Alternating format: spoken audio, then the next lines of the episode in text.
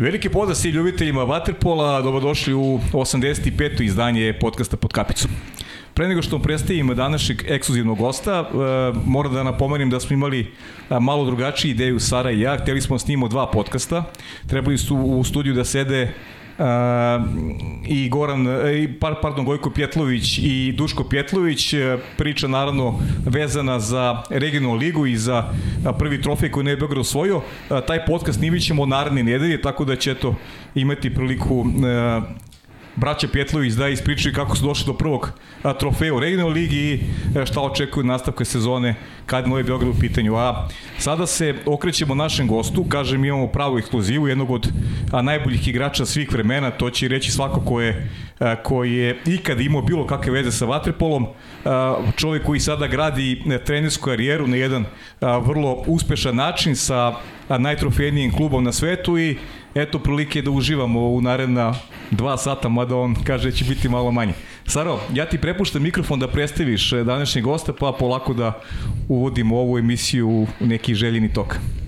Evo, zdravo i od mene. E, pa zapravo ti si rekao većinu stvari, tako da ne bih pravila neki poseban uvod, e, već je i Pavle napomenuo neko koji je više puta bio proglašen za najboljeg igrača svijeta trenutno e, trener e, Proreka, sa nama u studiju na kraju univerzuma je Sandro Sukno. dobar dan i dobrodošao ovde kod nas u studiju na kraju univerzuma i evo prvo pitanje kako se osjećaš ovde kod nas? Dobar dan, pozdrav svima i svim gledateljima Eto, super, lijep je studio, sviđa mi se i sve skupa moram vas odmah na početku pohvaliti da radite super posao i veliku promociju svjetskog waterpola jer stvarno došli su velika imena i lijepo je slušati priče o waterpolu iz povijesti, pogotovo za neke mlađe generacije da ostane, ako ih zanima, nadam se da ih zanima da mogu uvijek pogledati i prisjetiti se prije godina. Sandro, hvala ti puno što si, što si izdvojio vreme i došao u naš studio. Velika nam je čast i e, znam da prvo rekao ima utakmicu Beogradu s Crvenom zvezdom koju ćemo naravno vrlo rado e, pogledati, ali pre toga ajde da malo da nam kažeš kako ocenjuješ dosadašnji tok sezone. Prvo rekao je e, osvojio kup i ono što, što se negde onako meni onako evidentno kako sezona odmiče vidi se da ekipa, da ekipa igra sve bolje. Da li ti imaš taj utisak? Pa da, sigurno. Malo smo i kasnije krenuli s pripremama ciljano zbog jedne duge sezone, zbog što je trebalo biti ovo prekid u aprilu i maju, kao što vi rećete, zbog svjetskog prvenstva, ali eto, to se i dalje izmijenilo, ali bio je cilj da nekako rastemo kroz sezonu, da se i kroz početak sezone uigravamo i da preuzmemo neki rizik, prvenstveno ja kao trener i sigurno da sam za sad zadovoljan, ide to sve bolje i bolje i osvojili smo i super kup krajem 12. mjeseca, pa talijanski kup i za sad sam sa svi skupa zadovoljan kako smo planirali, tako se i dogodilo i nadam se da će tako i ostati. Mm. E, kad je u pitanju, kad je u pitanju e, prvenstvo Italije i kup, e, tu naj, najveći bitku je vodite sa Brešom, koja je u Ligi šampiona vrlo, vrlo kvalitetnu igru u drugoj grupi, vodeće je, vodeći u Ligi. Kako, kako, tebi, kako tebi izgledaju ti dueli Brešov odnosno prošlu godinu ima možda na papiru slabiju ekipu, ali igraju vrlo disciplino kvalitetno, pobedili ste ih u, i u kupu Italije, u prvenstvu imate poziciju broj 1, ili će to biti glavni rival kada govorimo o otlu Italije? Pa jeste, mislim, igraju, igraju stvarno zanimljivo, pogotovo na početku sezone, sad su malo bili u nekoj krizi poslije talijanskog kupa ga smo mi pobjedili, ali sigurno jedna jako zanimljiva ekipa i dosta rano su došli na svoj maksimum i mogu bi reći kao da su već i osigurali možda čak i prvo mjesto u jeku, jedno mhm. jednoj jako mhm. izjednačenoj skupini gdje igraju vrhunske ekipe, oni su prvi i najvratnije će i ostati prvi, tako da ne može se omalovažiti njihov uspjeh, kao što si rekao. Možda imaju slabije imena, ali po meni do ovog dijela su igrali možda i bolji vaterpolo nego prošle godine, a prošle godine su osvojili prvenstvo Italije nakon dugi niz godina gdje je Proreko izgubio tako da, jedna ekipa za veliki respekt. Mhm. A kako gledaš, e, Sandro, onako sad kad se osvrneš e, Ligu šampiona, kvalitet, e, da li je Uh, ove godine jača liga u odnosu na prethodnu sezonu. Uh, definitivno ova grupa, ova grupa u kojoj je Breša je, je kvalitetnija, ali i u grupi D Reko imamo Marsi koji igra zaista fantastično uh, cele sezone i koji je jedan od najvećih klubova sveta. kako neka, neka tvoja ocena, ocena onoga što gledamo u, elitno elitnom takmičenju?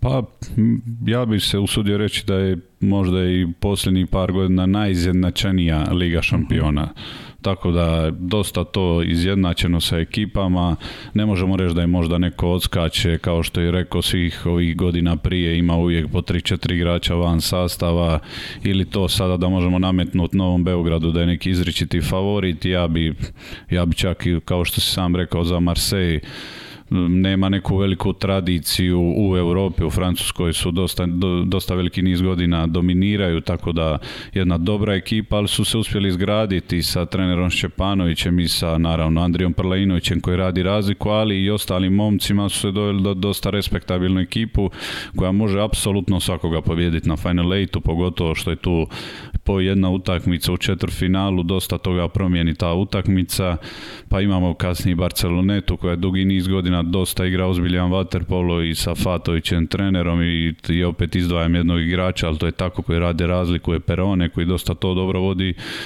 u vodi i dosta su dobri, tako da imaš i tu i Novi Beograd i Radnički koji eto najvratnije će ispast, ali kad dođeš u Kragovac ti ne možeš apsolutno računati na bodove ili tako mhm. što dođeš u Dubrovnik koja jako, jako veliku tradiciju ima jug, pogotovo kao domaćinska ekipa, tako da je jedna iznimno zanimljiva liga prvaka ove godine i pogotovo što će biti završnica Final Eight, što nisam iskreno ljubitelj Final Eighta, ali će biti jako zanimljivo i mislim da da bi trebalo raditi preko tih natjecanja još veću promociju Waterpola.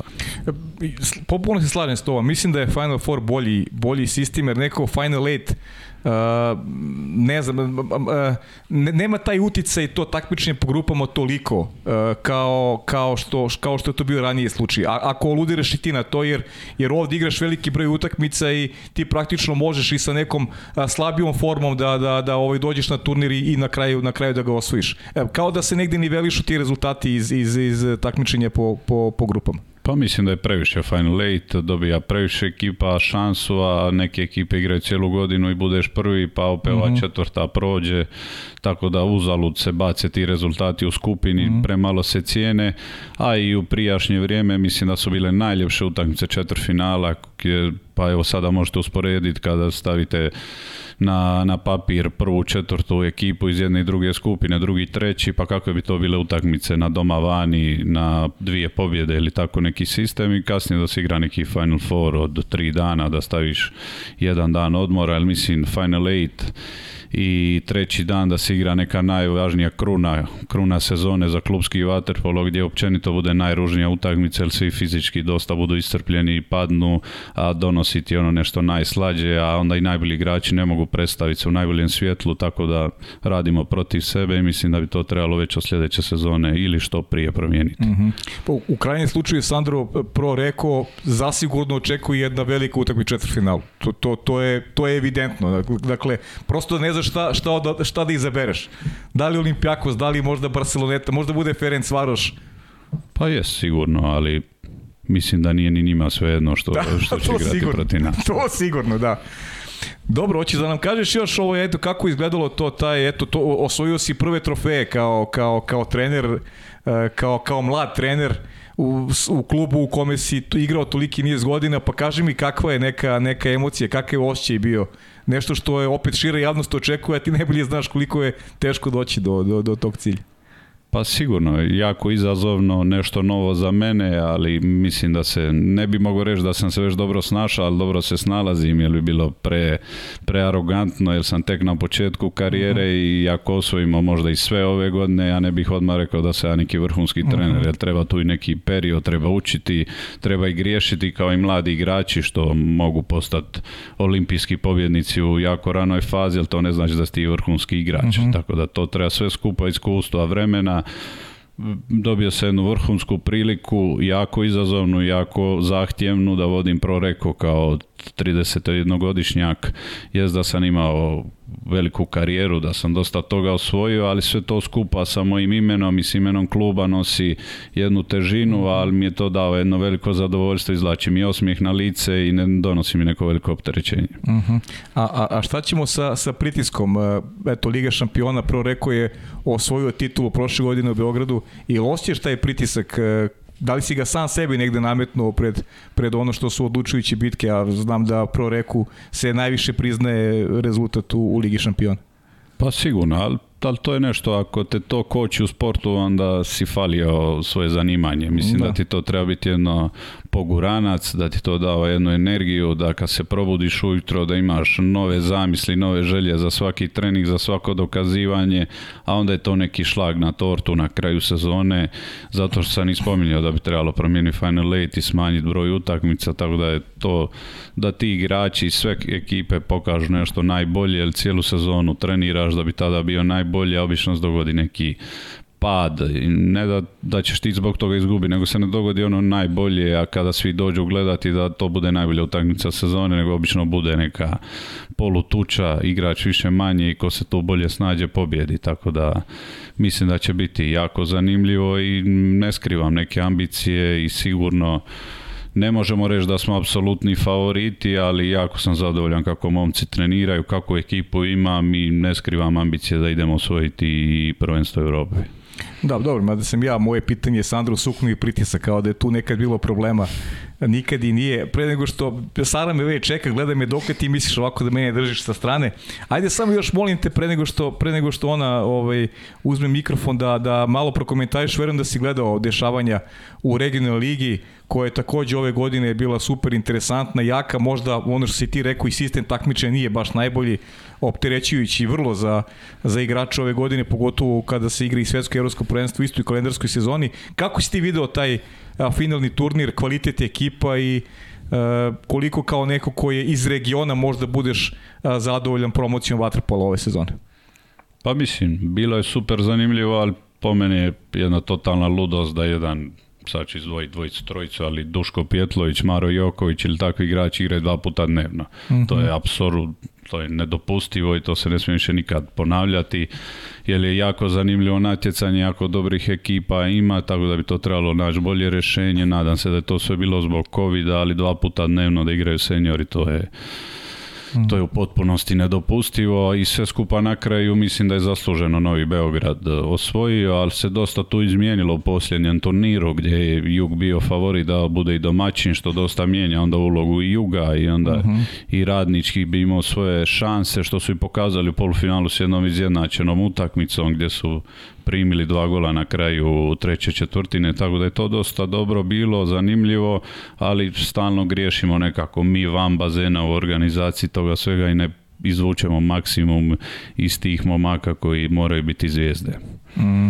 Da, slažem se, nadam se da će se te, te stvari promeniti, to je definitivno najveća falinka, odrazilo se i kroz učinak ekipa iz regiona u Ligi šampiona, često se poklapali ti termini Jadranske lige i šteta da da, da se ne iskoristi prosto moment u kome, se, u kome se Liga nalazi. Nadam se će i hrvatski klubovi biti još bolji sledeće godine, pre svega aludiram, aludiram na Zagrebačku mladost koja, koja fali sada u ovom, u ovom društvu koje se, koje se javilo a, a imamo baš sjase dobri klubova.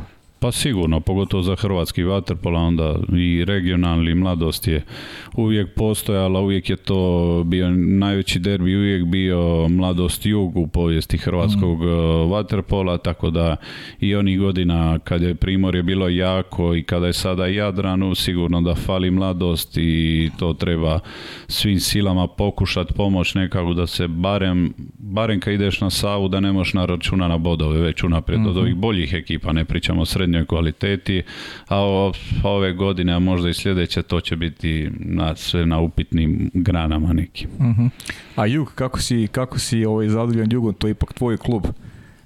Pa je sigurno ja sam iz Dubrovnika, jest da sam počeo u Cavtatu, ali to je neki prirodni put da svi mi Cavtačani nakon dvije, tri godine mlađih kategorija gdje se uvijek jako dobro radilo i sa dobrim trenerima i velike rezultate. Naravno za te kategorije se su radile mlađe kategorije Cavtata, ali svi imamo neki prirodni put da pređemo u juga, tako sam i ja prešao i seniorsku karijeru odmah direktno započeo u juga, tako da Mislim da za sada sigurno da je neki manji i slabi rezultati su ovih godina, prošle godine i ove, što je odmah u Dubrovniku je tema i pronalaze se nekakve negativne strane, što ih ima sigurno, ali mislim da svi mi, ja se smatram jugašem, tako da treba svi skupa da guramo nekako, i da, jer isto ko što sam mladost, a pogotovo ne daj Bože da se dogodi nešto s jugom, to bi ozbiljno uzdrmalo i evropski vaterpolo. Sigurno. Sarice, izvoli.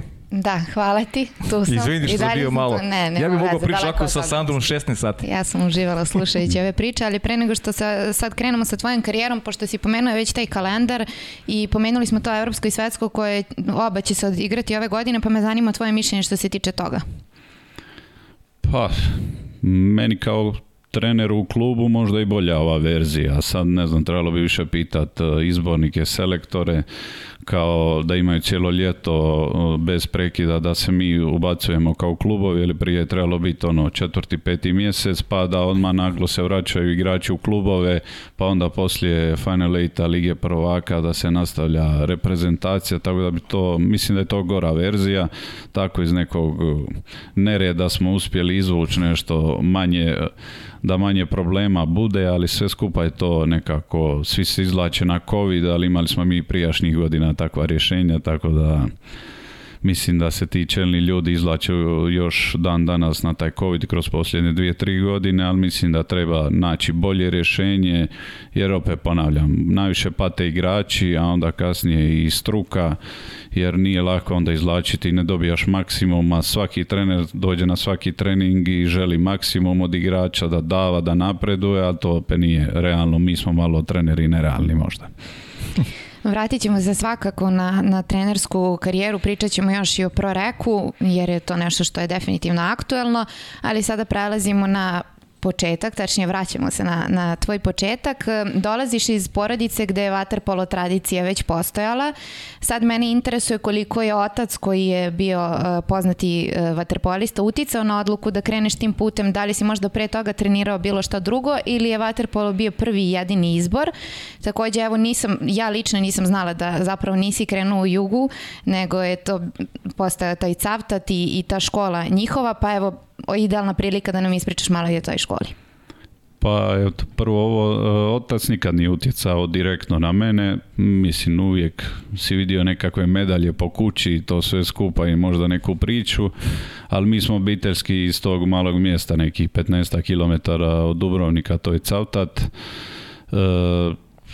to je realno jedini sport koji postoji u tom mjestu na ozbiljnoj razini, to je neko mjesto malo od hiljadu i po dvije ljudi, tako da si se ljeti mogo baviti, imaš blizu moje kuće vaterpolo teren, plivalište i tu se okupljala djeca, ujutro izađeš oko 90 ujutro sa šugamanom kupaćima, s loptom iz poruke i ja bi se vratio doma u sada na Mislim, to je vukli bi me iz mora, ajde doma ručati jer sam bio mršav koji dan danas, tako tad se još bio još gori i cijeli dan na suncu, ali ništa mi nije smetalo. Kad bi bilo hladno more, mi bi nabijali loptu vani, pa skakali tako u nedogledi ta tri mjeseca ljeti bi maksimalno izvukla sva djeca iz tog malog mjesta i onda bi počeli problemi sa početkom mhm. škole i zimom, jer onda je to trebalo početi putovat, ali to su fascinantni dani koji te sigurno i ojačaju i pomognuti u kasnijoj karijeri. Mi smo sad su to stvari koje možda ne bi smio ni pričat, ali mi smo bili u jednom kombiju za osam e, ljudi, ovi normalni kombi, nas je bilo i po 20 djece, jer je bio jedan jedini trener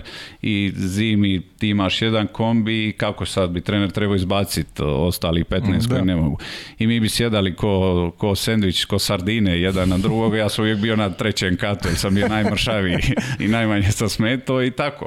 Smo se išli, vraćali, jedan po drugome po podu, pa bi se skrivali od policije, pa je trener riskirao da se ne daj Bože što dogodilo. Mislim i tu su i roditelji puno dopuštali, tako da sve skupate to izgradi kao osobu i, i kad prolaziš kroz teže periode u djetinstvu sigurno da kasnije si mentalno jači i mislim da zato i jesmo tako uspješni u svim sportovima na Balkanu, jer niko ne, malo ko dolazi iz neke ekstra bogate obitelji pa da mhm. ima nekakve uvjete sve da uživa, ali se karakterno izgradi što je jako bitno za kasniju profesionalnu karijeru je karakter najbitniji. Uh-huh. Beši tako i on nije iz Dubrovnika i on, on je... On je župa, to između Cavtata i i Dubrovnika, tako da sigurno i on to nešto prolazi, svi skupa i škola, pa jedna smjena, druga smjena, tako da je to dosta dosta nešto što ti ugradi nešto više i napravi kasnije razliku, ali zbog, nažalost, zbog takvih uvjeta i dosta,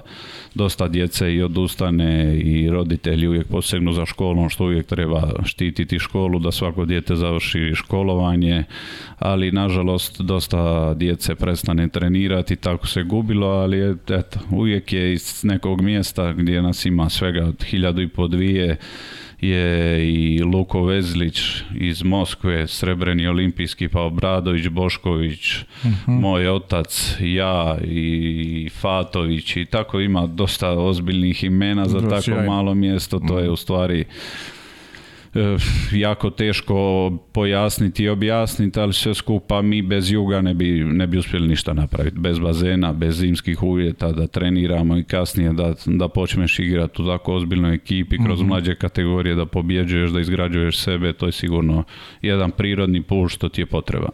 Mm A sa koliko godina, u, stvari, e, kad je tata Goran video, ok, moj sin je super talentovan, e, možda, možda bolji od mene, E, to je vaterpolo njegov izbor. Znam da i, tvoj brat Ivan takođe je igrao vaterpolo, dakle vi ste onako prava jedna porodica, vaterpolo porodica.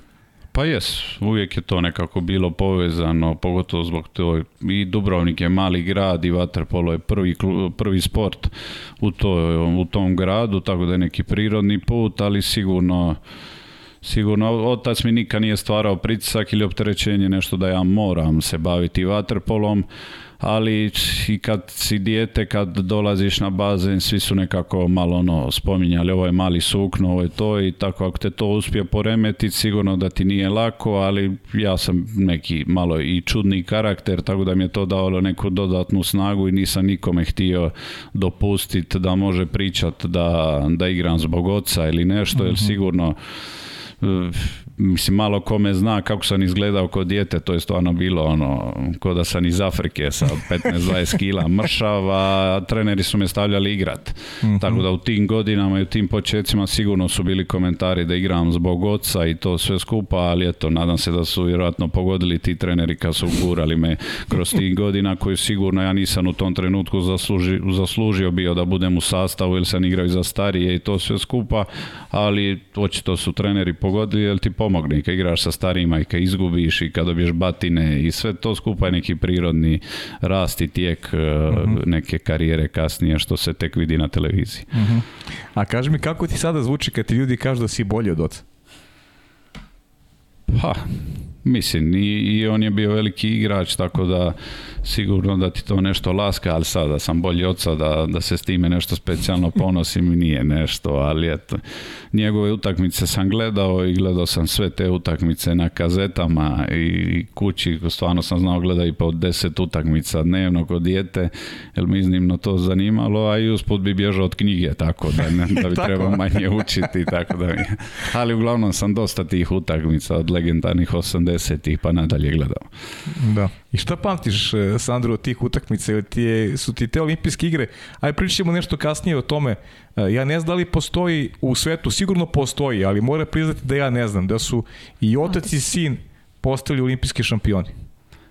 Pa jeste, to je stvarno jedan fascinantan rezultat, jer mm, u sportu nemaš ništa više za napraviti od, od biti olimpijskog mhm. pobjednika, tako da je neki vrh Monteverest e, sporta, uspjeha nekog kolektiva ili pojedinačnog, jer uopće nastupiti na olimpijskim igrama je vrhunac, a još onda postao olimpijski pobjednik, to je neka kruna i veliko zadovoljstvo, a što se tiče tih utakmica, gledao sam i ta finala Los Angeles, na primjer 84 kad su igrali tu odlučujuću utakmicu sa Amerikancima, mhm. kad je, govore svi da je bio i američki predsjednik eh, na toj mhm. utakmici i mislim da je završilo i 5-5 Yes. Kad je i Bebić zabio neka dva, tri gola u nizu i mislim Jugoslavija da je izgubila 5-4 ne bi bila, jer se mhm. igralo grupna faza se samo igrala, tako da je to bilo dosta izjednačeno i bila i Kuba na tim olimpijskim mhm. igrama, što je za današnje doba nepojmljivo, tako da je bilo nešto drugačije, ali iznimno zanimljivo i jako popularan sport je bio u tim trenucima u Americi, svi su očekivali da će Amerika biti olimpijski pobjednik, ali eto, Jugoslavija i te godine, te, te olimpijske igre i sljedeće u Seulu ponovno sa Amerikancima igrali odlučujuću mhm. utakmicu i opet su osvojili, tako da je bila velika konkurencija, velika imena, ali su napravili velike rezultate. Uh Eh, da, definitivno si opravdao to poverenje koje si dobio u tim mlađim kategorijama kasnije. Eh, mene ono što najviše zapravo zanima jeste kako si usklađivao te treninge, kako su trenzi tada eh, izgledali, da li su bili dva puta dnevno, opet i to putovanje tih 15 km nije malo, ko je bio sve sa tobom u mlađim kategorijama, ceo taj proces dolaska kasnije do tog prvog tima Juga, kako se sećaš toga? Pa sigurno, nije bilo lako, jako je, jako je teško zorganizirati se, pogotovo za školu gdje na našim područjima kad si ti još mali, kad ne radiš neke velike rezultate, nisu baš susretljivi i uvijek je bio ono, uhvat se ti mali knjige, bolje ti mhm. to ti kruha dat, pusti se ti lopte i tako. Kasnije u srednjoj školi, kad sam već počeo ozbiljno igrati za prvu ekipu, su malo počeli stvarno izlaziti su susrete, mogu sam se malo dogovarati za, za ne doći u školu, za napraviti dva treninga dnevno, ali u ovoj početku, mislim, nepojmljivo je to da ne ideš u školu, da ideš na trening, što je možda i normalno, ali bi trebalo biti malo nešto više sluha za to djecu ako ih zanima taj sport. Nije bilo lako, pogotovo ljeti kad ideš s tom redovnom linijom, pa su to bili puni autobusi stranaca i to sve skupa, ali ostanu ti sjećanja kad trčiš na autobus, pa zakasniš, pa ideš pješke, jer ne ide taj autobus točno do Cavtata, nego ide u Konavle, u druga mjesta, pa ideš 3-4 km pješke, biciklama, 100 stopiraš pa se doma hvataju za glavu. Tako da dosta tu toga što ti ostane za cijeli život i što donosi sreću toj, toj djeci mislim veliko zadovoljstvo, a kasnije ako uspiješ napraviti karijeru, to je nešto. Tu treba malo imati i, sreće i Božje pomoći. Uh mhm. -huh. Da li se te e, prve utakmice za prvi tim e, Juga? Pa ne znam sad točno za koje, ali je bilo neki turnir kupa, ono početno nešto, ono kad igra se, kad su općenito je tada Jug bio izriciti favorit u tim prvim utakmicama kvalifikacije za kup Hrvatske, ali to je neki bilo, ja mislim, 15 godina i tad sam prvi put počeo igrati tako i mislim, tad sam počeo i trenirati sa, sa seniorskom ekipom što ti napravi ogroman iskorak. To, to je drugi svijet, to prelaziš iz mlađih kategorija u seniorski režim rada gdje moraš šutat i ako te boli i ako ne možeš mhm. moraš spustiti glavu, staviti u vodu, derat se u vodu da te niko ne čuje, šta će dobiješ po glavi, ono, te svaki, svaki dan te trojica lupe, nabiju te nogom u guzicu mhm. i aj skupi lopte pa skupljaš kapice, a, a čekaju te ispred da te vode doma da učiš i tako da ima tu stotinu tih stvari što je sada puno na nižim granama što su prolazili ovi prije generacije u mhm. maltretiranju što se reče, ali opet ponavljam, to ako ne prođeš ne može biti ni igrač po meni. Mm Gradiš karakter na taj pa to je ono si pričao. Da, i to. Karakter se treba izboriti, treba prešutati pa ćeš i ti jednog dana možda doći na nivo da, da vratiš sve ovo što si ti primio. Mhm. A kaži mi, e, e, na koga si se ugledao tada? Ok, ima, imaš jednu figuru i očinsku i, i neko ko je bio veliki igrač u kući, ali ko je taj neko ko je za tebe bio onako autoritet od te jugove generacije, tih starijih igrača koji je za tebe predstavljao nešto, ok, hoću ja da budem kao ovaj, kao ovaj igrač u bazenu? Pa prije nego što sam počeo igrati, jer to je bilo to je bilo 99-2000, ja mislim, tad je došao Tamaš Molnar u Juga. Aha. To je meni bilo, ja sam gledao to ovako, to je ono bilo nemoguće. Ja sam ostao gledat treninge, eh, od svaku utakmicu sam dolazio gledat 25-2 za Juga, ja sam išao gledati. Onda kad bi mhm. vidio da on ne igra, bi bio tužan i tako. aha. Jel, to je nešto bilo ono, wow, kako je on igrao i stvarno me zanimalo. Što, jel je to, Mađari su uvijek igrali nešto drugačije, mhm. puno atraktivnije i to je možda i u tom trenutku bio i najveći strana što je ikad došao u Juga, tako da u tim trenucima je stvarno bilo fascinantno njega gledati na treninzima, jer bi plivao, mi bi dobili ono po jednu prugu kao cavtat uh mhm. -huh. i to plivaš, a ovi senjori pucaju metar do tebe pa ti viriš malo gledaš ono pa se zaustaviš pa se trener dere plivaj i ono tako dobro kod dječica prava Aha. špioniraš nešto gledaš i tako da je u tom dijelu to a kasnije kad sam počeo se kad sam se spojio sa, sa prvom ekipom, počeo trenirati, dogodila se jedna velika promjena E, smjena generacije, onda su prestali igrat e, Fatović, Kržić, sa Smodlakom sam i igrao jedno par sezona, ali mhm. tad je sve manje igrao i tako da se došla je neka generacija kasnije što sam igrao i u reprezentaciji s njima, mhm. od e, Bušlje do Buda Markovića, Jokovića, Obradovića, Boškovića Bošković.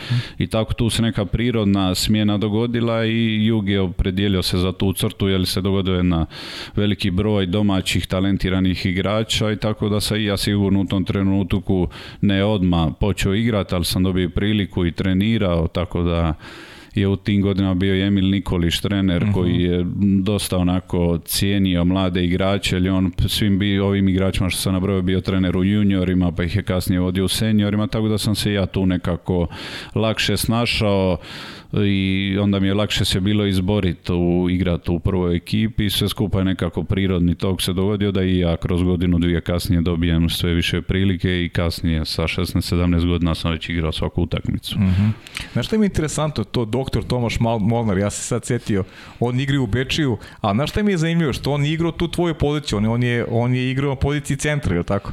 Pa jeste, ali kako je od tih godina je Smodlaka je napravio neku razliku kad se pojavio u Juga. Mhm. On je on je donio neku kvalitetu više Jug je uvijek imao te domaće igrače dobre šutere, ali Mile od tih godina bio vjerljivo najbolji centar, on je mhm. sve bacao u gol i onda kako je došao Molnar, Molnar bi igrao vanjsku poziciju na početku utakmice, jer je Smodlaka toliko dominirao i onda bi ga omijenio kad bi ovaj izašao, bio je polivalentni igrač što mhm. ja u tom trenutku kao dijete nikad nisam vidio Gledaš Fatovića, on igra tu i tu poziciju, bio je Alen Bošković, Ognjen Kržić, on igra svoju poziciju, ti ga gledaš stalno i na istom mjestu. Mhm. A ova igra apsolutno sve. On je čuvao centra, igrao je lijevu stranu, pa igrao centra i stvarno to je nešto što se meni bilo čudno kao djetetu i onda sam počeo malo više i kužiti i pratiti to sve mhm. skupa i taktički dio. Počne nekako prirodno s tim godinama ti dolazi sve širi vidici i vaterpola. Pa ništa, mi koji volimo vaterpolo možemo kažemo hvala Tomašu Molnaru što je tako uticao na tebe. Definitivno. E sad, ono što meni sve vreme mi u glavi, e, to što si baš malo prepričao o odnosu i među igračima e, tada i među trenerima, koliko se razlikuje odnos koji je bio recimo kada si ti bio u bazenu, koliko, je, koliko su treneri imali autoritet i uticaj na vas. Slušali smo priče mnogih ljudi koji su sedeli tu na tvom mestu, kako su treneri bili drugi roditelji i koliko se to razlikuje u odnosu na danas, koliko su roditelji uključeni u, u treninge, koliko je to dobro, koliko nije. Dosta toga se promenilo prava dece i sad da ne ulazimo u tu problematiku, ali definitivno da tada eh, vama je druga porodica, druga kuća jeste bio bazen i za očeve ste gledali i trenere druge očeve. E sad mene interesuje kako bi mi napravio neku, neko poređenje u odnosu na tada, tada u odnosu na sad?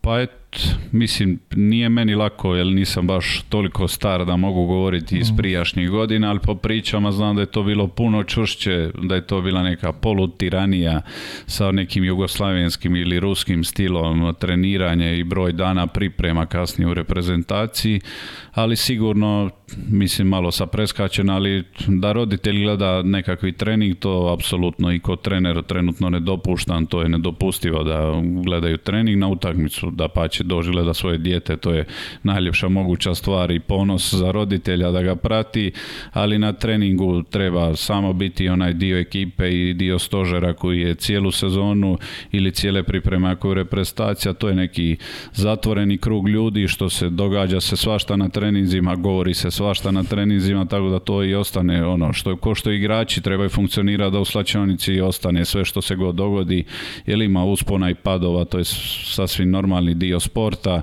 Mislim da ljudi prate koji nisu nikad bili, vide samo onaj najljepši dio, onaj šlag na tortu, kad vide televiziju, u nogometu 90.000 ljudi i tako da to sve funkcionira. Ima i onih ružnih strana, ali je najbitnije da to ostane, ako se baviš kolektivom, da ostane u kolektivu i da to izgradi još više taj kolektiv i da budu još bolji.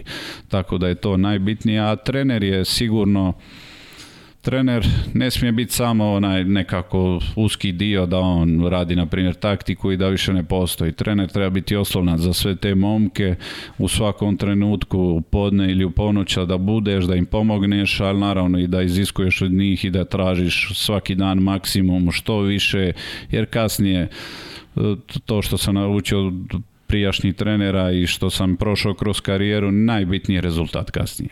Mm I ako im ti popuštaš, podilaziš, ako se izgubi, reće premalo smo trenirali. Ako si tirani ako ih maltretiraš, izgubiš, previše smo trenirali. Ako se na kraju pobjedi, najbolji si na svijetu. Da, jasno, A koji trener je imao najviše utjecaja na tebe tokom tvoje igračke karijere? Pa, sam Mislim sigurno Ratko Rudić. Mhm. Zato jer on je imao taj sistem rada koji me pozvao me sa svega 15-16 godina u reprezentaciju, tako da sigurno u tom trenutku ja nisam zaslužio da budem među tih 20 ili nešto, ali ako ne bi bio tih 20, kad bi bile pripreme u Dubrovniku, bilo je Sandro dođi ti spavaj doma i onda sam dolazio na pripreme reprezentacije, a reprezentacije sa nekih 15-16 godina i mislim da je to bilo neke su bile pripreme 2006. u zimu, pa je to bilo u Dubrovniku nekakve kvalifikacije, nešto, pa se tu vrtio, tu isto se pojaviš sa najboljim igračima i ti neki balavac i to je ono nešto što ti dava neki potica i motiv za dalje. Sandri, to je nevjerovatno. bratko e, Rudić je je bio selektor kad je, kad je tvoj tata uzeo zlatnu olimpijsku medalju, Ratko Rudić je bio selektor u Londonu E, Hrvatske kada si ti uzeo zlatnu olimpijsku medalju. I to je jedna zaista nevjerovatna priča. A fascinantno, ali eto, ne igramo ni ja ni Goran više, pa smo sigurni da Ratko neće napraviti još, još ja s njime se nikad ne znam će se vrati na klupu. Za nas dvoje smo sigurni da nećemo više igrati. Dobro. Ajde Vanje da, da, da razbijemo o, ovu priču sa jednim video pitanjem. Pozdrav svima u studiju. Drago mi je da je Sandro gost podcastu, njemu je svako tu mjesto. Jedan je od igrača koji je bilo najljepše gledati u proteklih 20 godina u Waterpolu. Imam veliko poštovanje za njegovu igračku karijeru. Nadam se da ću imati jednako tako poštovanje i za ovu trenersku. E sad, pošto ste iscijedili vjerovatno sve Waterpolo teme, E, jedno pitanje daleko od vaterpola, a sad mogu da ga pitam, pošto je trener, nije više igrač, koje mu je omiljeno crno italijansko vino i da li su mu draža ta talijanska crna vina od dingača. Veliki pozdrav. Pozdrav Andriju, veliki. Pozdrav Andriji, eto, isto je jedan vrhunski igrač koji i dan danas pokazuje što se može kad si jako motiviran i podređen tome što radiš i stvarno u jednom mogli bi nazvati manjem klubu on izlači maksimum i radi neku razliku i, i stvarno fascinantno što se odlučio na taj potez mhm. jer tako ime da ide u nekakvi klub što, što je bilo srednije, srednji klub u Europi da ide da donosi energiju mladima što iznimno nije nikako lako da on vuče tu ekipu jer sigurno je mogao naći neki klub da on pomalo igra pa se odmara neke slabije utakmice, tamo sigurno ne može, tako da se vidi da je jedan veliki sportaš i zaljubljenik u Waterpolo i da ima još energije što je dobro, jer će prenijeti svoje iskustvo i tim mlađim e, igračima. A što se tiče njegovog pitanja, pa eto, dođi, dođi u Dubrovnik ili u Italiju pa ćemo otvori par boca da razglabamo skupa koje je bolje, ali nije ni njemu loše u Francusku pa mogu nije. ja doći da vidimo kako je tamo situacija. to vi rešite između sebe onda, koja, su vina najbolja. E, hoćemo Ajde, kad kada da zaključimo to poglavlje u jugu, da nam kažeš ti, ti trofeji koje, koje ti onako pamtiš, e, onako posebno. Znam da si uzeo regionalnu ligu sa, sa, sa jugom i mm, da li je bilo nekih eto u, Ligi šampiona koliko ste koliko je ta tvoja generacija bila blizu i eto u krajnjem slučaju e, ispričaj šta, po tom pitanju šta najviše pamtiš iz tog perioda za igranje za Juka pa igrao sam kao jako mlad, jer sam već sad 20 mhm. godina prešao kasnije u Proreko, ali sam imao jednu ozbiljnu ulogu u tom kolektivu gdje su dobili priliku ti par godina prije ti svi mlađi igrači koji su postali veliki šampioni, tako da je to sigurno točan potez i Jug je bio 2006. prvak Europe kada ja nisam još igrao, tako da mislim da je teško, teško ponavljati i biti prvak Europe iz godine u godinu ili neke tri godine da budeš dva puta nije sigurno lako, ali mislim da smo trebali više vjerovati u nas jer smo imali neku kvalitetu neke jedne godine i kad smo bili iznimno jaki sa na primjer i sa Zevedom Strancem i sa Savićanom na golu, Dobudom Smodlakom, Jokovićem, Boškovićem, mhm. Markovićem, Bušljom, Obradovićem sa vrhunskom ekipom izgubili smo u toj sezoni i Jokovića zbog tromboze i Markovića zbog operacije ramena. Jedna, dva iznimno važna igrača, igrali smo također Final Four u Rijeci, to je bilo 2009. Izgubili smo od prvo u polufinalu, ali mislim da smo imali vrhunsku, vrhunsku kvalitetu kvalitetu, a izbacili smo u četvrfinalu, što se spominje, ono što sam spominjao da su to velike utakmice i najljepše Partizana. Aha. Su bile dvije vrhunske utakmice na Banjici i u Gružu i tad je možda i Gruž bio posljednji put i pun ono do čepa što se reče i to su bile velike utakmice isto kao dijete što te izgradi i što ti da nešto više i mislim da smo tih godina trebali više vjerovati u sebe i ne znam, možda bi usporedio kasnije što što je Partizan uspio 2011. osvojiti, da smo i mi tih godina mhm. bili, imali kvalitetu za poći, da, za otići do kraja, ali nije se dogodilo i, ide se dalje i takav je sport i zato je, zanimljiv sport. Mislim, Fatović bio ta trener, tako? Kad je, kad je pobedio Partizan? Tako je. Jeste, mhm. Bilo je, mislim, dva razlike, a mi tri dobili ili četiri. Tako, tako nešto. nešto. Da. Mhm. Ali bio je Partizan stvarno jak. Mm E sad, 2011. E, ti odlaziš u Italiju pro, pro reko po prvi put, zadržavaš se jednu sezonu. Kako uopšte e, dolaziš na tu odluku da odeš u Italiju i kako se snalaziš u tom trenutku? Rekao si sam da si imao 20 godina tada isključivo moja odluka, e, nije bila laka, rizik, je bio ogroman, sa 20 godina ić, bilo nas je 25 te godine u sastavu. Mhm. To je bilo ono, ti nisi nekad ni pričao po mjesec dana s nekim igračem, mi smo igrali po 3-4 natjecanja, 25 igrača od... E, od Kašaša, pokojnog Benedeka, što je meni sad nekih 20 godina bilo fascinantno trenirati, ali sada mogu reći da je to najbolja, najbolja odluka u mojoj karijeri, jer sam dosegao, osjećao sam da sam već tih godina dosegnuo neki limit kao moj osobni i dosta sam i igrao minutažom u jugu, dosta sam i dominirao kvalitetom i sigurno da ne bi ja, ne bi propala moja karijera da sam ostao u jugu, ali mi je dala jedan veliki motiv, probudio sam se još više jer kad treniraš sa tim svim velikim imenima, mislim tu igrao je Perone, Molina, Kašaš, Prlainović, Đorđeti, Filjoli i Sukno i svi koji igraju poziciju 4-5 što se reče.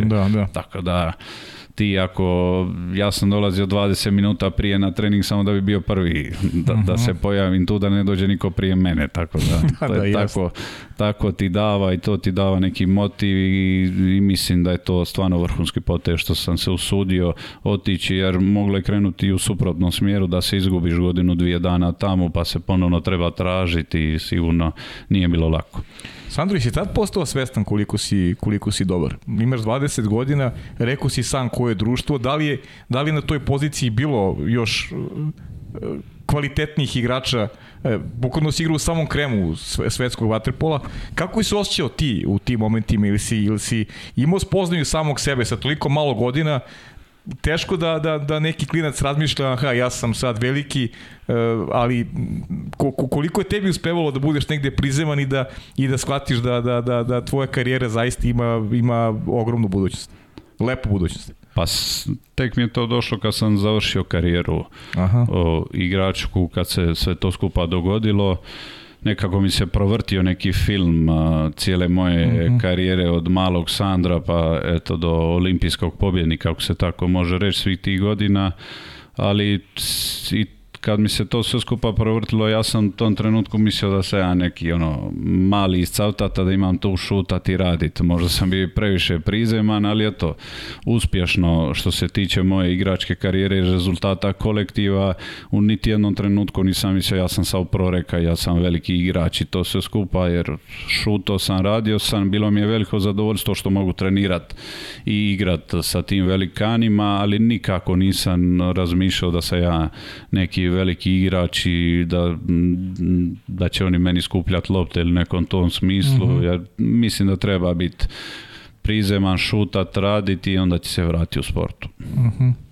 -hmm. da si sam sada istakao da ti je to najbolja odluka u životu, zašto je onda došao nakon godinu dana, uh, zašto si otišao i prešao posle u Primori? Pa onda se dogodilo, tad se događalo neki polurat van bazena sa Lenom i mhm. organizacijama mm. svim skupa i spominjala se regionalna liga i sa Mađarima i sve to skupa gdje je e, vlasnik Proreka je čak i ponudio novce svoje i financiranje da napravimo i da počnu klubovi zarađivati i ko osvoji tu ligu da počne dobi, da dobije financijsku neku inekciju, da budu novci u pitanju i sve skupa da se podigne na neki viši nivo i onda je tu krenuo mali mini rat i kasnije kad je to trebalo se nekako izglasa, neki ljudi su se okrenuli protiv toga i taj čovjek je kojemu se predstavljalo da je to de facto pred kraj dovedeno, da će to biti sigurno i onda je malo ga je to sve skupa pogodilo i on je kao sve pustio i u tom trenutku se kao polu raspao pro reko i svi stranci smo otišli, u stvari indirektno nam je rečeno da više nemaju ni financijsku moć za održati nas i da ostanemo igrati tu i zato se dovedlo moj odlazak, treba namjeravao sam ostati barem 3-4 godine u reka, ali sam onda prešao u Riječko primorje. Uh-huh. Pre nego što krenemo tu, tu priču o primorju, e, kako se sjećaš te prve godine što se tiče života u Italiji? Pa, Van bazena.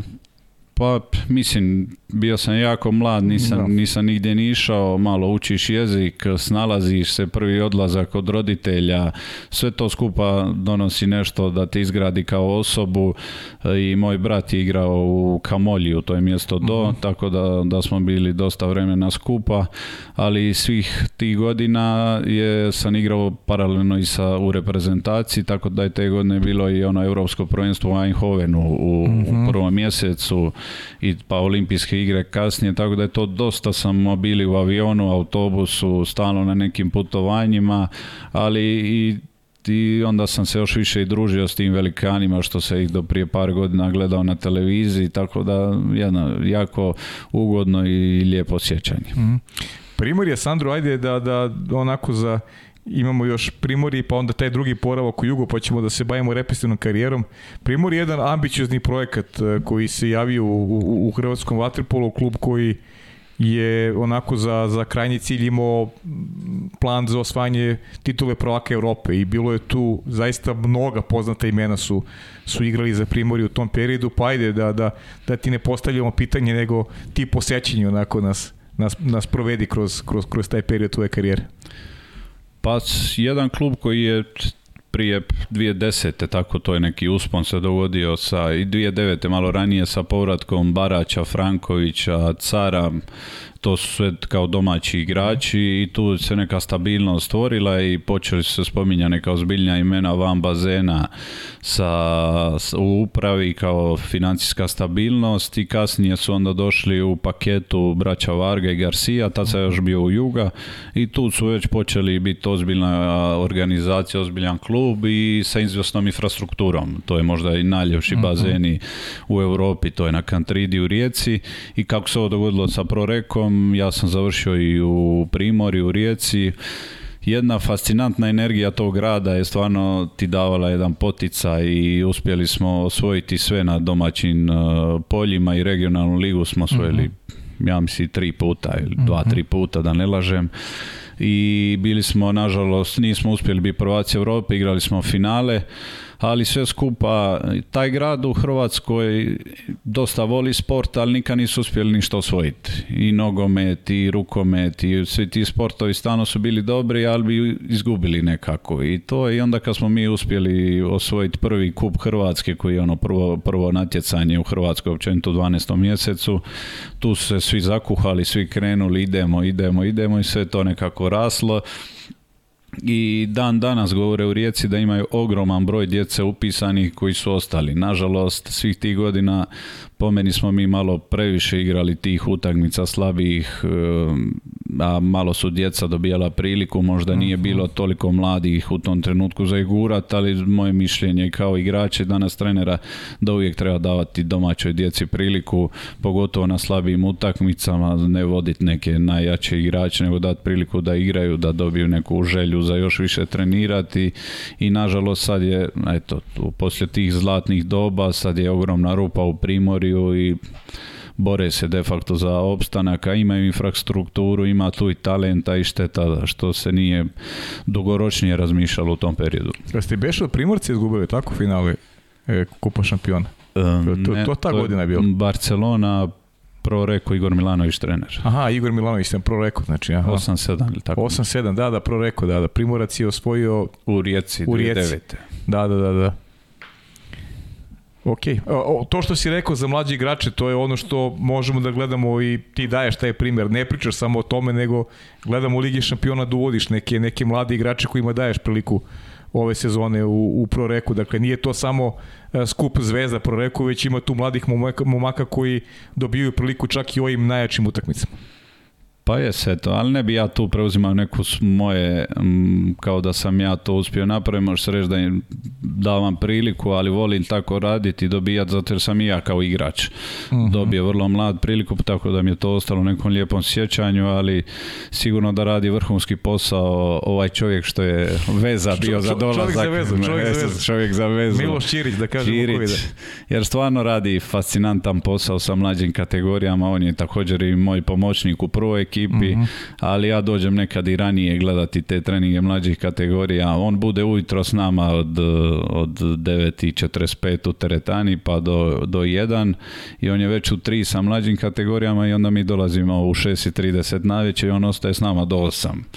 On, je, on je cijeli on radno vrijeme ima na bazenu. Od jutra sutra, od jutra sutra. I on nikad nije došao spuštene glave, bez energije ili nešto. Stvarno to treba i to je neki prirodni talinat. Uh mhm. ima energiju, ima, treba raditi sa velikim igračima, pa se onda prilagodi pa radi s malom djecom, pa stotinu puta ponoviti istu vježbu ili tako, pa se i derat neka na djecu, pa se treba malo i suprostaviti tim velikim igračima ili sigurno i pomoćnicima, jer sam bio i ja dugi niz godina u reprezentaciji pomoćnik, treba se malo prilagođavati, ne mhm. možeš gurat neki autoritet, moraš biti malo bliži njima, tako da sigurno jedna, jedna velika etika rada što, što vi u Srbiji imate. uh Eto da zaokružimo ovu priču o Primorju, s obzirom da si tamo bio tri godine, evo sad si sam naveo te dve ili tri e, regionalne lige, pa koji ti je ostao najdraži i da li možda neka utakmica ostala baš onako upečatljiva da je pamtiš i dan danas? Samo za Primorje ili? Samo da, samo za Primorje, da. Pa sad mi je teško, jer nekako sve skupa je to išlo kroz godinu bi stvarno dobro igrali pred prepunim gledalištem i veliko zadovoljstvom publike, tako da svaka ima neki posebni značaj za taj klub prvenstveno, što smo mi igrači donosili, ali mislim jedna obiteljska atmosfera i sve su to dobro organizirali. Imali smo veliku potporu i tih ljudi iz kluba, i Zorana Roje i Predraga Slobode koji su to de facto sami njih dvoje vodili klub i mislim da, da su dosta dali svoje zdravlja i energije i novaca i zato mi je iznimno žao što je sad ništa nije za taj period dok smo mi bili da nije ostalo da se razvili malo mlađi igrači ili da dan, danas Primorje bude na nekom srednjem nivou, da bude konkurentan jer onda to su uzalud bačeni novci. Mhm. Pre nego što se vratimo nazad u Italiju, hoćemo još jedno video pitanje. Ajde, još jedno može. Lijep pozdrav svima. imam dva pitanja za, za Sandra.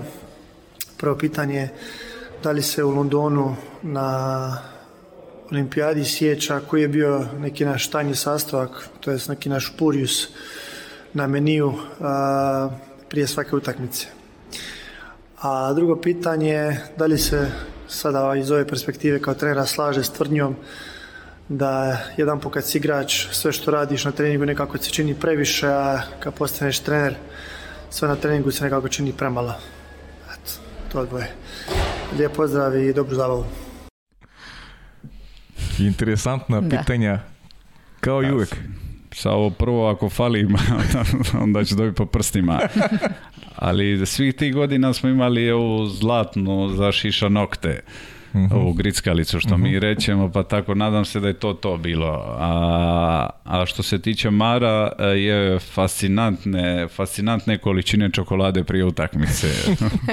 to je bilo ono, barem jedna ona velika, da ne reklamiram koja, ali to Bože, je, e, Milka je bila tako i to se jela. Ako si igra u šest, to se u četiri cijepa red po red i leži se u krevetu i onda se pije još dvije kave i tako je funkcionirao naš život.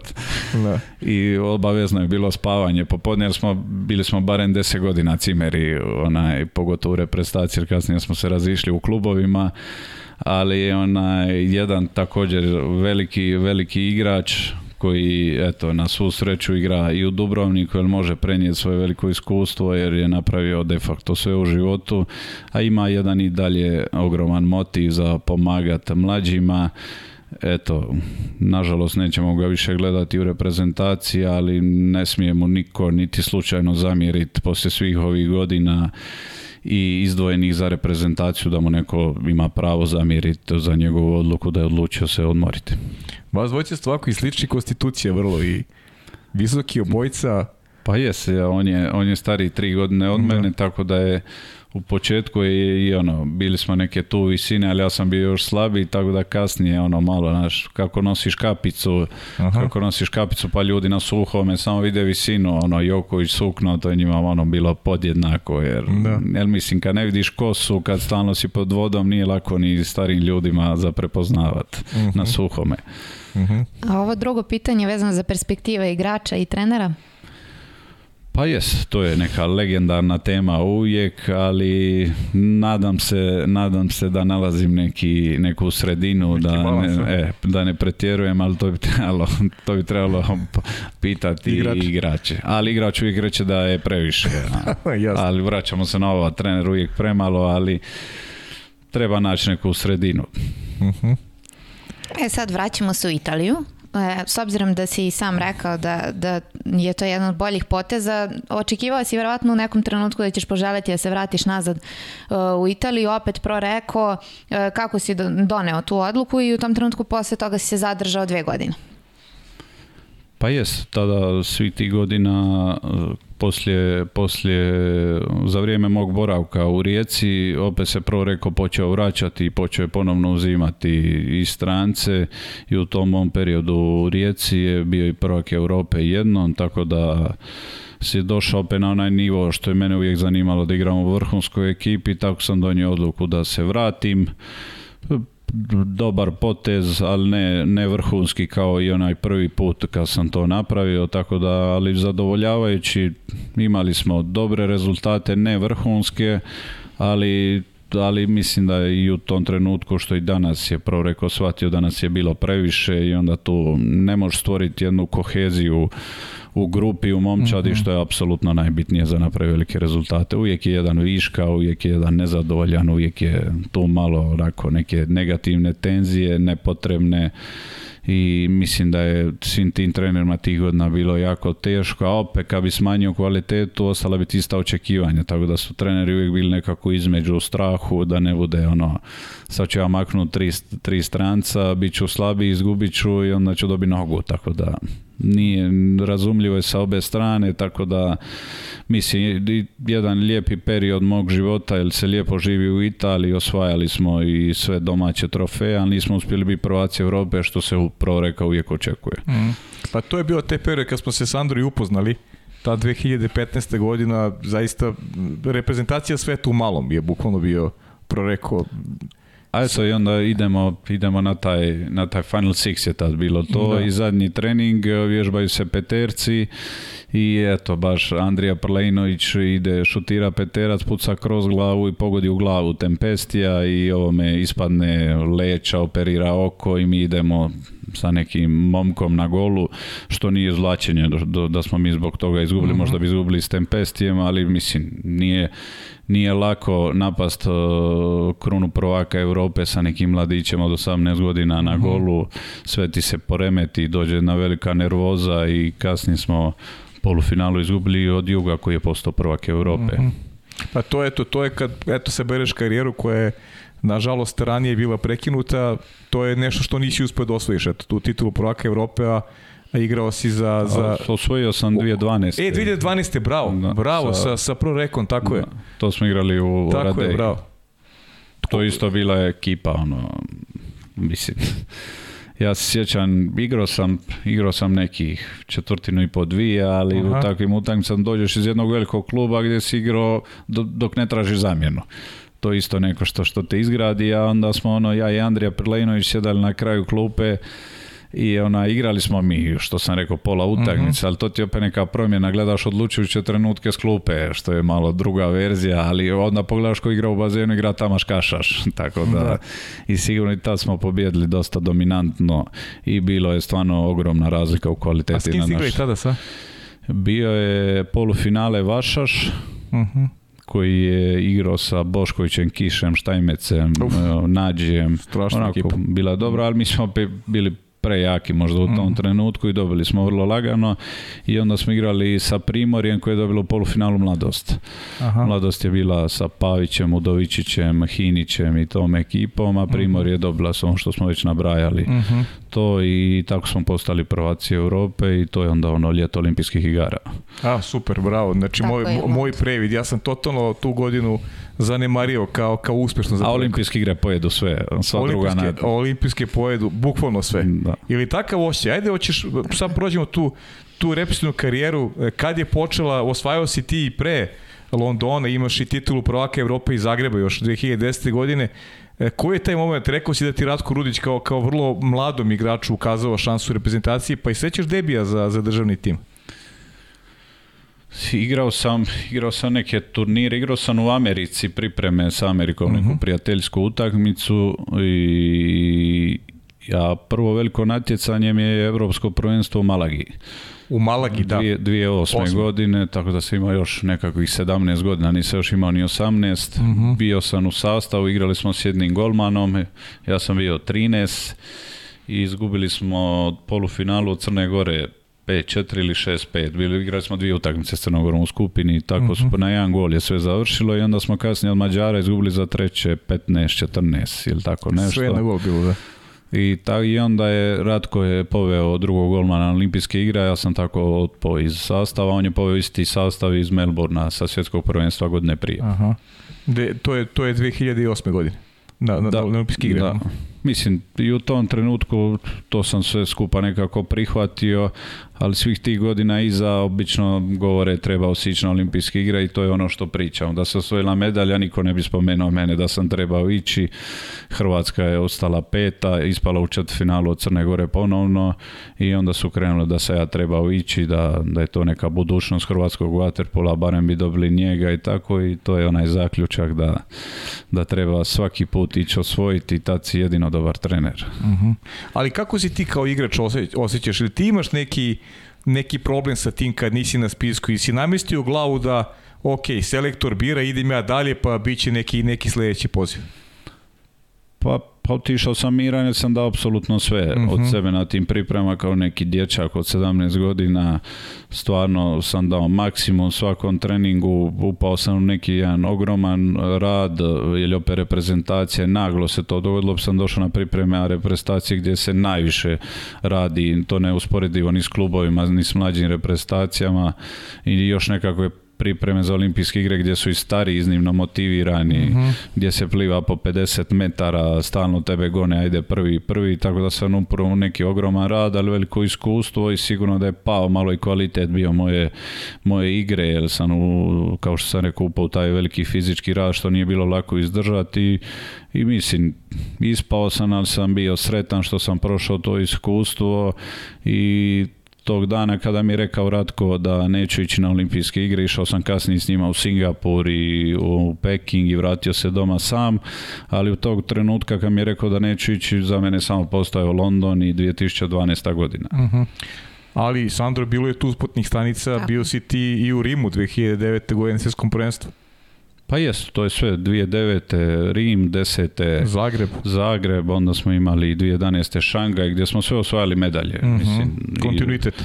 I, sigurno i veliki rezultati, jer hrvatski polo prije toga nije imao takve rezultate. Mhm. Mi su osvajamo dan danas, imamo jedan niz od 2007. godine na svjetskim prvenstvima što je fascinantan ali mene jedino kao dječaka kad sam počeo trenirati mene zanimalo olimpijske igre i postao olimpijski pobjednik. Mhm. Možda preambiciozno, možda prebolesno zvuči, ali to se ja skrivao, nikome nisam govorio, nikome mhm. nisam dijelio, ali to je me, moj bio neki skriveni san, ja sam živio to i kad mi je god bilo teško, to me zanimalo i stvarno, stvarno sam presretan što sam uspio to napraviti u mhm. karijeri. Znaš kako, pre nego što dođemo do, do, do uh, uh, Londona, kada ćemo ti prepustiti da pričaš koliko god želiš o Londonu, utiscima, e, šta si tamo doživeo, kako je to izgledalo. Ja moram samo da te, da te malo vratim, taj Rim, Zagreb, meni je to neki ovaj, ti si malo mlađi od ove generacije srpskih koja koje sada sišla sa scene, ali neko počinje taj period kada, kada to rivalstvo zaista onako postaje i jako lepo, a postaje onako, maltene se Srbije i Hrvatske pitaju oko, oko medalja, manje više na, na svim velikim takmičenjima. Nema nikog, tu su Srbije i Hrvatske i zna se ko pobedi Srbije i Hrvatska, taj će do do, osvoji nešto. U Rimu je Srbija bila bolja, u Zagrebu je Hrvatska pobedila Srbiju u polufinalu, tada je Hrvatska osvojila i zlatnu medalju. Pa ajde malo negde to rivalstvo i kako si doživo ipak tvoje prvo veliko odličje za Hrvatsku je ipak taj, taj Zagreb kada si postao evropski šampion. A sad sam se prisjetio, pa ćemo se malo vratiti godinu Ajde, 2 prije 2008. Malaga i sad taj neki mali sukno žgoljavi se pojavljuje i, završio trening Hrvatske. Dva dana prije se obično dođe velikog Aha. Mhm. natjecanja, sprobava se bazen uvijek to sve i termin za terminom mijenjaju se reprezentacije i sad, ko najmlađi kapica, jedna tamo na jednom kraju, ova druga skuplja, štrčiš, ne smiješ kasni na autobus, e, sve ovo ono i dolazi Srbija u tom trenutku. Ja skupljam hrvatske kapice i sad oni koji je ovaj, ko je ovaj i šefik dolazi, koji bre ovaj mali je. ja ga čujem, ono, ja dole sagnuti, i skupljam kapice i ovi mu govore neki, ono, kao to je ovaj sukno.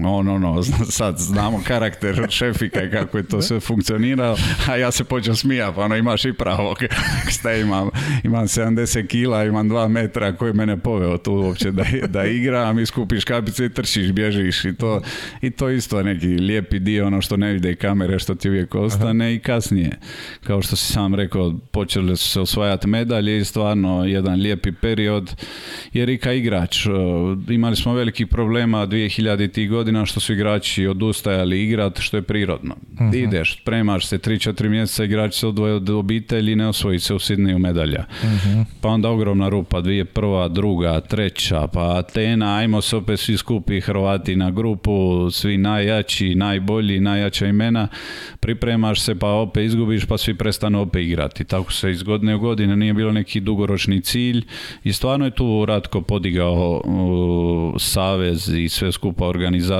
na viši nivo i što se kasnije vratili rezultati i dan danas imamo, ja bih rekao, jako dobre rezultate. Mhm. Zagreb? Zagreb, jedan doživljaj koji ti ostane uvijek zapanj igrat pred domaćom publikom, bilo je nekih ono 7-8 tisuća ljudi, lijepi turnir, europsko prvenstvo po starom sistemu, dvije grupe po šest, mhm. jako zanimljive utakmice svaki dan, dosta naporno, polufinale sa Srbijom, vrhunska utakmica i to je možda, možda i nemoguće kako smo mi pobjedili sa igračem manje. Ja mislim da je Srbija imala 9-9 igrača više i mi smo mhm. pobjedili 10-9. Da. Tako je, to je ono što ti da publika neku energiju dodatno jer obično se tako ekipa raspadne. Kad se ne može obraniti s igračem manje, Srbija igrala vrhunski, ali eto mi smo uspjeli pobijediti i kasnije postali zasluženo prvaci Europe. Mhm. Ništa, idemo, idemo u taj London. E, da li si bio 100% siguran da ćeš se naći na tom spisku kada već četiri godine pre toga nisi bio? Pa mislim, Posle svih tih medalja i svega toga. Mislim da je bilo realno da, budemo u tom trenutku u sastavu. Eto, bilo je najbitnije da, da budemo svi skupa zdravi i otišla je najjača ekipa i mislim da je u tom trenutku Ratko bio najsretniji. Ono, uzo je metar na pripremama, 2 dva metra, sto kila, upadaš. Možda se ja jedini bio ispod sto kila, ali sam bar preko dva metra i njegov sistem. Ono. Idemo davit po bazenu, što je jače, što, što više i tako su bile i cijele pripreme. Ali to je ono što igrač prihvati kad su olimpijske igre. Možda mhm. Može ga lupat e, čekićem po glavi, šuti, mhm. svak želi ići na olimpijske igre. Jedna izvrsna atmosfera se stvorila u grupi to i iako u tom kolektivu sigurno je, bilo tu i par igrača s kojima ja nikad nisam popio kavu na tim olimpijskim igrama, ono, nego nekako, ali se poštuješ, tako se funkcionira kad si skupa, nikome nikakav nije problem, ali kad dođu teški trenuci uvijek ideš sa dva, tri svoja bliža prijatelja i tako se mhm. skuplja energija, to ništa nije negativno, mhm. ali to tako treba funkcionirati, to je prirodno, ali najbitnije da se poštuješ i van bazena i u bazenu i da se zna hjerarhija, a i tu, tu sam isto dosta naučio kako su se postavili jedan Samir Barać i Igor Hinić. Oni su bili uvjerljivo najstariji u toj mhm. grupi ljudi, ali na primjer mene Samir Barać ono pitao Sandro koga da ja uzmem, kako da ti pomognem, a ja ga ono gledam, pa ti si kapetan, šta ti mene pitaš kao to. Mhm.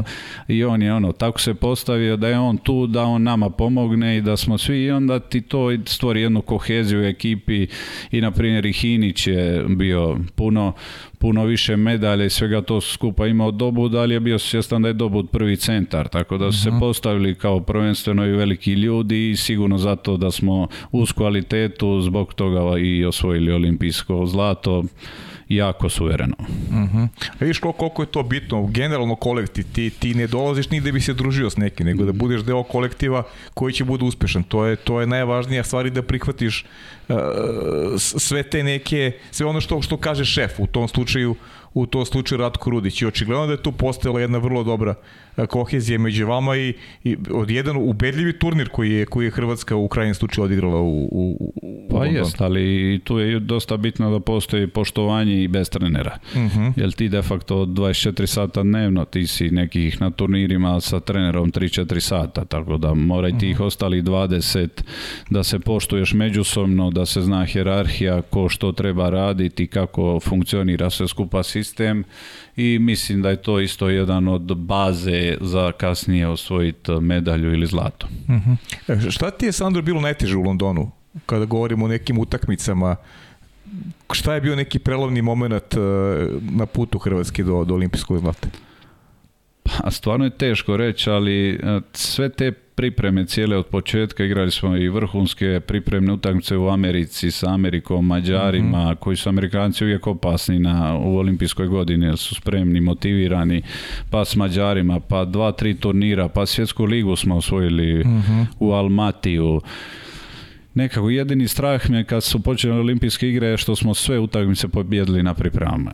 I to mhm. je ono nekakvi strah mi je bio da će se dogoditi jedan loš dan, da će se nešto tako, ali uspjeli smo dosta suvereno osvojiti te olimpijske igre što je jako teško i gotovo nemoguće, ali eto, toliko smo izdominirali i mislim ima dosta komentara da se na kraju nismo ni susreli sa Srbijom, ali mislim, ko zna što bi to bilo, ali Srbija je zasluženo izgubila od Italije, kao što sam spomenuo pri tih godina da je Srbija-Hrvatska bilo najjače utakmice. Sigurno da bi bila velika utakmica, pogotovo olimpijsko finale i mislim da smo te godine stvarno dominirali, nemo, mi smo osvojili zasluženo i stvarno jedan od dominantnih turnira što sam pratio ikada. Mm Koliko su te pripreme bitne? Pošto već par, par puta si pomenuo te same pripreme, koliko su one bitne, koliko se razlikuju tada u odnosu na današnje pripreme reprezentacije Hrvatske? Pa sigurno da su jako teške, tu ima uspona i padova, pa, pa ti kolega malo ono, ono što se reče između redaka, ono kao majme sad više od doma, ne mogu više, ne, mogu ujutro se dignuti, ići ponovno na trening u teretanu, pa mu pomogneš, zato ima čar taj kolektiv, zato što guraš jedan drugoga, pa ćeš ti onda upas u neku rupu od dva dana, u neku od umora i od svega, u negativu što se reče, ali zato je kolektiv bitan da gura, jer u kolektivu uvijek pobjedi pozitiva. Mhm. Tako da uvijek otpadaju oni negativni i to je najbitnije da imaš jednu zdravu srž i onda jedan pojedina što radi probleme ili će se prilagoditi ili će otići doma i gledat na televiziji natjecanje. Uh Sandro, e, ili si imao vremena Londu da pogledaš malo sa strane, da, da možda upoznaš nekog igrača, to volimo da pitamo sve vas koji ste osvajali olimpijske olimpijska zlata, jer je isključivo sve podređeno cilju u smislu da, da niti pratiš sa strane, niti želiš da ti bilo šta remiti u koncentraciji. Da, li je ovo što sad rekao na kraju možda jedini put da, da, da se dođe do, do, do konačnog cilja? Pa fascinantno, nešto drugačije su te olimpijske igre, uh mhm. -huh. dobiješ tu akreditaciju i svaki je jednak. I, i mhm. ti godina ulaziš u tu menzu, u tu salu ogromnu i uđeš, mi smo nešto bili u redu, odjednom neka vriska, krika, okrećemo se mi svi, ulazi Federer u, salu, Aha. ono, i to je, to, i one stotine tih sportaša trče za njim, onda, ono, Bolt je, Bolt je šeto po selu, ali išlo četvor ovih oko njega, štafeta je Aha. bila, ono, s desna, s lijeva, iza, i nema približavanja, on slušalice očale i ide ovako po selu i nikome se ne, ali, mislim, ne možemo zamjeriti. Da, Čovjek je došao u svoju olimpijsku da pa zlato, rezultat mu je najbitniji sad kad bi se on snimao ili to, ili na primjer sada isto u Tokiju ili prije što sam bio kao pomoćnik, isto Đoković, ima to strpljenje i energiju da se druži sa tim svim sportašima što je fascinantno za takvog čovjeka koji je osvojio apsolutno sve koji je broj jedan u jednom od najdom, naj, najbitnijih sportova u svijetu, mhm. što je zaradio ogromne novce, što si može sve priuštiti, a on opet opet dođe u selo i ima strpljenja se slika stotinu puta za jedan obrok i stvarno to nije lako i svi misle ljudi kao a ima milione, lagan mu je život ili njemu Luki Modriću ili Mesiju ili takvim igračima ima i stvarno i ružnih strana tog mhm. iznimno poznatog lica. Mhm ti sve pamtiš London po lepu i, i, i, i pogled sa strane i on u bazenu je bilo sve nacrtano kao što je želeo Sandro Sukna. Pa da, da pišeš možda bi malo lošije napisao da ne ispadne ono da si prepotentan ili mhm. umišljen tako da stvarno jedno ogromno i veliko iskustvo koje mi je dalo i za kasnije godine jedno, jedan poticaj za daljni rad i stvarno olimpijske igre su nešto drugačije. Mhm. Saro, ja pošto tu još trofeja koje Sandro moramo da zaokružimo sa trofejima, naravno uh, jako dobro mi je u to svetsko prvenstvo u Budimpešti. To je godina u kojoj si Sandro proglašen za najbolji igrača sveta, vrlo dominantan na, na tom šampionatu. Uh, sećam se finala Hrvatska-Mađarska, utisak mi je bio da su utakmic igra tri dana da Mađarska ne bi mogla da, da pobedi tu utakmicu, a bukvalno taj utisak kad vidiš da ne kontroliše i opet ono finale pre finala, onaj, onaj meč protiv Srbije u polufinalu, Srbija koja nije izgubila pre toga, dugo nije izgubila pre toga, ali eto, uspio si da zaokružiš ono što se kaže da osvojiš i titulu prvaka Evrope sa prestacijom olimpijske igre koje je najvažniji trofej, ali postao si u Budimpešti svjetski šampion sa onako, nemoj da bude skroman s tvojim jasnim pečatom i da si potpuno onako s pravom proglašen i za iz najboljih igrača, igrača 2017. godine. Pa jesi također jedan iznimno zanimljiv turnir. Mhm poslije olimpijskih igara gdje se opet dogodila neka mini promjena imena što je neki prirodni put i u tom trenutku sam postao i kapetan reprezentacije što sam bio iznimno ponosan i, i svi skupa smo imali jednu vrhunsku atmosferu, dobili smo nekakve mlade momke, jednu svježu krv što je uvijek potrebno u kolektivu da bi opstao kolektiv i dizali smo se tokom turnira, imao sam osobno i problema sa slomljenim prstom, tako da se mhm. nije se znalo do posljednjeg trenutka očulić na to natjecanje i na kraju sam odlučio riskirati i na svu sreću sam, jer je to na kraju ispalo, nažalost, moje posljednje natjecanje, moja posljednja utakmica u finalu za moju karijeru, što prije tog natjecanja sam mislio da je slomljeni prst najveći problem u mhm. mojoj sportskoj karijeri, jer sam stvarno htio, jer sam osjećao te momke, da imamo zajednički cilj, da imamo dobru energiju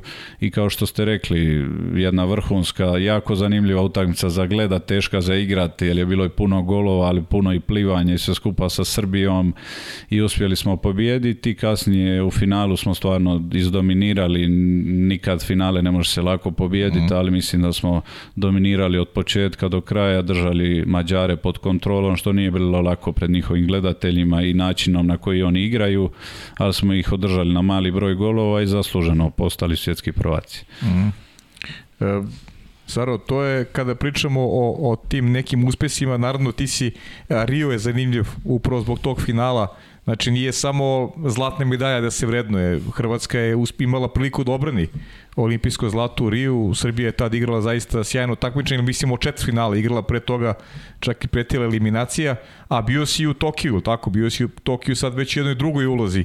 Pa ajde možda malo da napraviš eto, ta, tu neku vrstu poređenja uh, Rio i Tokio, uh, Rio koji si u bazenu doživeo, a Tokio, Tokio pored bazena kao neko koje treba pomogne tu savjetima i, i da pospeši možda dobar rezultat Hrvatske.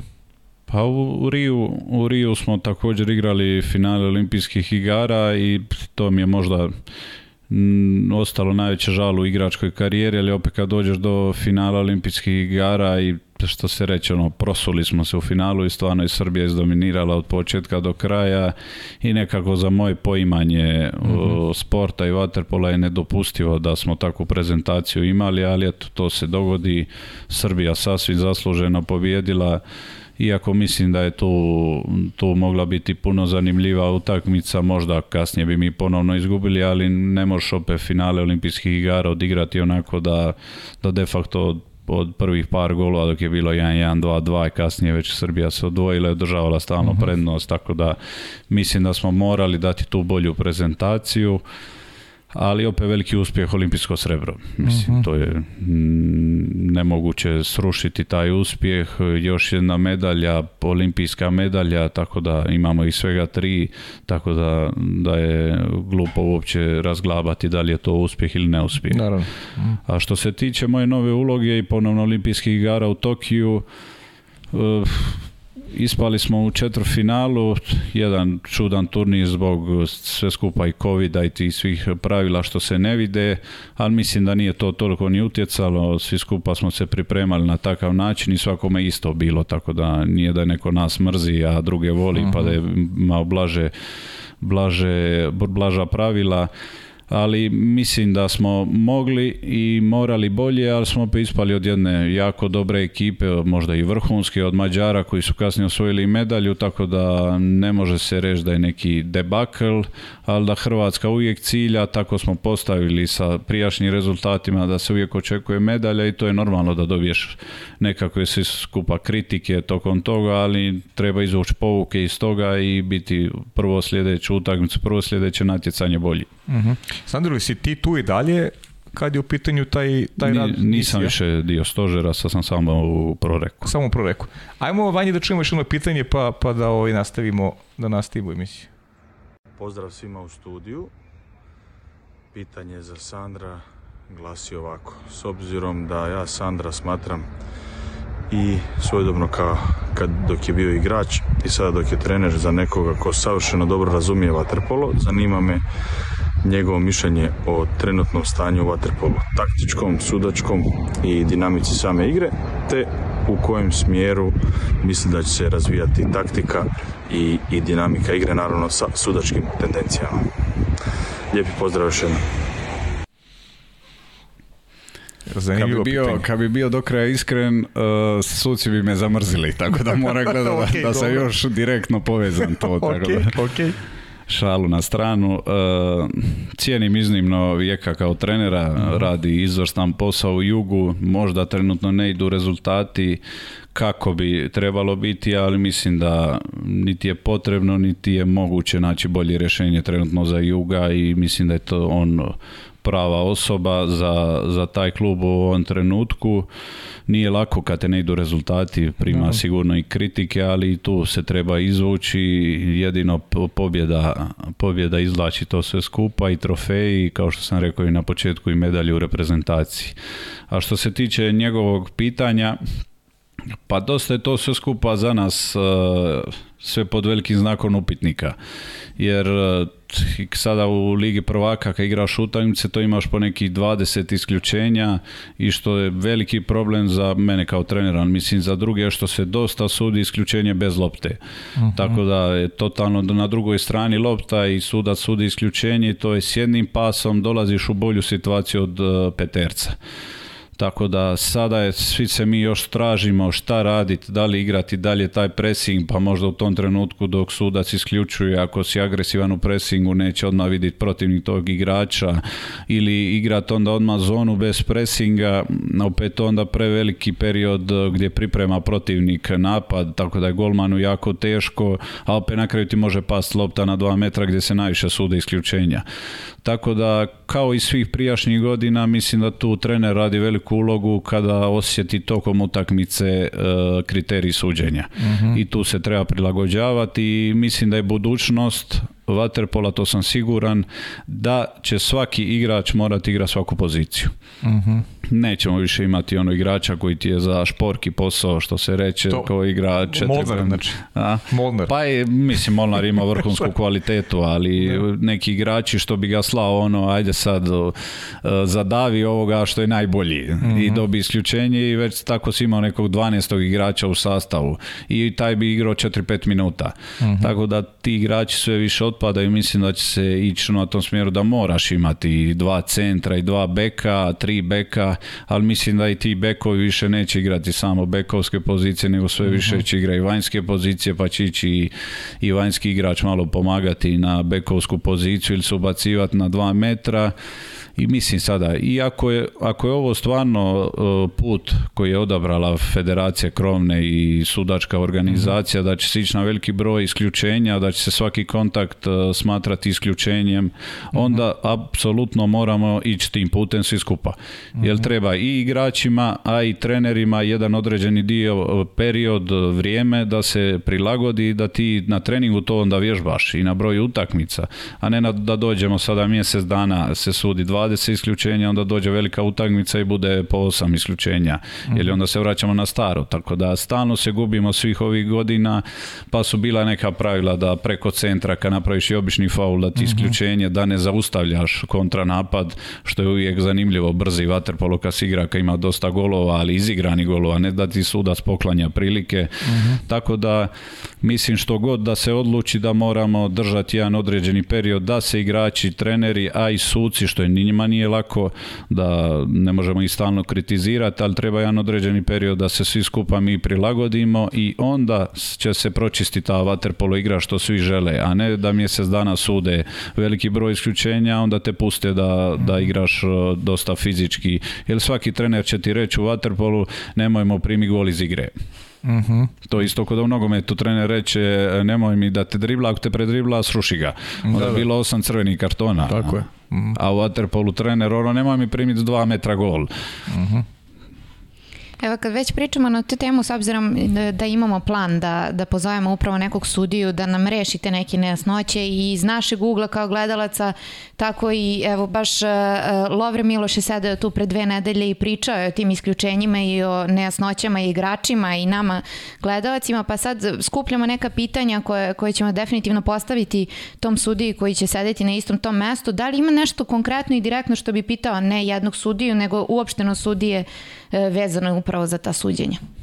Pa iskreno da reći nemam ga što pita, zato je li ni oni ni ne razumiju šta su te. Mhm. Tako iskreno da budemo, mogu mi to zamjeriti koliko god žele, ali mislim možemo im pokazati treneri stotinu istih situacija, jedno deset različitih mhm. odluka. Kontra faul i onda kada ti pitaš za vrijeme utakmice on ti uvijek pokaže, a ruka ova, prst gore, gledome krivo, mhm. jel se izlače. Nisu oni krivi, krivi su ljudi koji njih prisiljavaju da tako sude. Ko su to, ja ne znam, dan danas veliki broj godina sam u Waterpolu, ja ne znam ko odlučuje, ko dava te smjernice, nikad niko nije upitan od strane struke ili igrača da ne treba se prihvatiti tih svih mišljenja i razmišljanja, ali sigurno je pet ljudi pametniji od jednoga. Uh mhm, mhm. Kako je tvoje mišljenje o varu? Pa da. Prisudite. Da, ali opet treba to usavršiti i, i početi prilagođavati neki period do četiri godine, ne znam da za četiri godine svaka vatr utakmica ima var ili dvije godine lupam, ne znam koliko tu treba perioda i koliko treba novca, financije su dosta upitne u našem sportu, nismo toliko moćni ko nogomet, ali treba ulagati, ali mislim da je primarno da klubovi počnu zarađivati od pobjeda.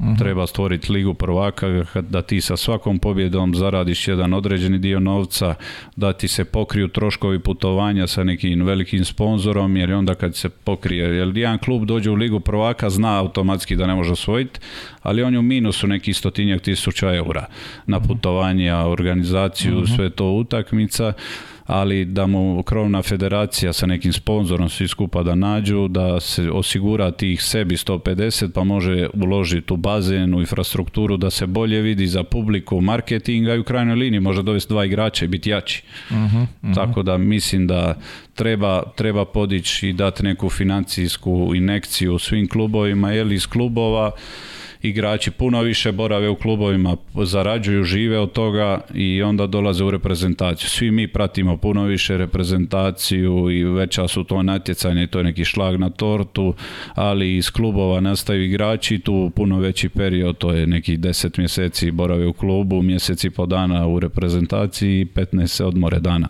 Mm. što je vjerojatno, Sando, svi pričaju isto, E sad kako šta uraditi da se da se promeni da se promeni stanje stvari da da da da waterpolo postane stabilniji u tom smislu da klubovi postanu finansijski stabilniji jer klubovi su baza i ti si ponikao u nekom klubu svi ste ponikli u nekim klubovima i, i to mora bude osnov svega da da ali to je to je za moje mišljenje i viđenje to je kao neka sekta organizacija sve skupa evo vidimo ne bi ni stao na stranu Novaka Đokovića, ali ne bi bio ni protiv njega. Ali najbolji igrač na svijetu sad, da li je Federer ili on u povijesti Nadal, nećemo ulaziti, ali je trenutno broj jedan. Mhm. I on je kao jedan, ali mislim da preagresivno gura eh, ono kako treba biti. Mhm. I opet ga Mhm. Veli, većina ostalih ga uspjeva srušiti. Mhm. Tako i kad si preagresivan u nešto za pomoć mhm. svome sportu, opet te dočekaju ljudi, tako da onda se većina e, tih igrača, ljudi koji žele dobro možda dati neki savjet, povuču i reći ono, ma daj, pusti onako, ne mogu ništa, idem ja za svojim poslom. Mm. Može Đoković šutati i osvoji još deset Grand Slamova. Ali sigurno da on ima jednu želju da pomogne, jer sam čuo i kako, kako dosta brani i ove mlađe igrače da se mogu probiti kroz to da mogu početi zarađivati jer su se ovi stari igrači počeli brani sa tim bodovima, turnirima, mhm. on je puno otvoreniji za to da bude mhm. konkurentnije, to sve skupa, ali eto, opet dobije po prstima iako je broj jedan, tako da kad si sam kad si sam jako teško izgurat neku pravdu i biti preagresivan u donošenju toga jer nažalost možda će ga i nekako na neki način i srušiti i onemogućiti mu da osvaja ono što najviše voli. Mhm, mhm, jasno. Sandro ima, mislim, ono, ne znam koliko, koliko E, želiš da pričamo o tome, ne bih da bude, da bude nepristojan, jer to je, ne znam, pitanje zdravlja, ti si prekinuo karijeru zbog, zbog problema koji si imao i sad ne bih da ti postane ošte pitanje na tu temu, nego prosto ako želiš eto, s nama da podeliš te neke momente kada si spoznao da, da, da eto, imaš i problem koji te odveje od bazena. Znam da si pokušao da se vratiš kasnije, da si potpisao za svoj matični klub, da si trenirao, nismo tada bili u kontaktu, ali imao sam prilike i da, i da saznam i šta se dešava, tako da ne znam, eto, koliko si ti spreman da, da na tu temu eto, nešto, nešto kažeš? Pa mislim, nema, nema što skriva, tako mhm. da jedan veliki šok, e, kao što sam već rekao, svjetsko prvenstvo je finale, svjetsko mm prvenstvo u Budimpešti je moja posljednja utakmica, što je jako teško za shvatit, a pogotovo za pojasnit nekim ljudima kao mlad si trener, zašto ne igraš više? Kad te mhm. pitaju ono kao nisi igrač, kad me vide sa s grupom ima i starijih od mene da. Onaj, u ekipi, pa oni kad reću evo trener kako tako mladi, ono to i onda kad im reće što se skupa kao zašto i onda ide to. Mislim, veliki šok za mene, mm -hmm. ali ponosan sam koliko sam se uspio izboriti jer biti tako na visokom nivou i uživati. Jer to su došle neke godine za sve što sam prošao kao dijete, što sam, što se reče, i patio i ulagao u sebe i trenirao i što mhm. ti obitelj pati, i što te ne vide niko, pa ne stižeš se ni zabavljati sa svojom generacijom u školi. Sve to nekako preskočiš zbog tog sporta i kad su došle godine kad sam mogao najviše uživati, kad sam mhm. izgradio svoje ime i rezultate kad je trebalo mi se početi vraćati u krajnjoj liniji i zarađivati novac, mhm. što je jako bitno i u našem sportu, pogotovo jer nemaš neko velika primanja ni ti neki dugi niz godina, to da si možeš osigurati neku egzistenciju, ali bar da lijepo živiš, uživaš, naučiš jezike. Dogodio mi se taj prekid koji je bio veliki šok. Na svu sreću imao sam e, svoju obitelj, svoju ženu i malu kćerku koju u tom trenutku imala jednu godinu koja koja mi je donosila jednu najveću sreću i doma i uspjeli smo svi skupa izgurati to i zahvalio bi se i u tom trenutku i današnjem selektoru reprezentacije Ivici Tucku koji mi je dao jednu priliku poslije moje saopštenja njiho, njima da više ne želim igrati vaterpolo jer najteže je ti ljudima okolo mene i u juga također e, oni nisu mogli vjerovati da sad donio tu odluku svi skupa svi su očekivali operirao se sve ja sam pokušao sve na svijetu Znači, dao sam se i na stol da se operiram, što nije laka bila odluka, dosta ozbiljna operacija, dao sam sve da pokušam da se vratim, jer to je čista ljubav.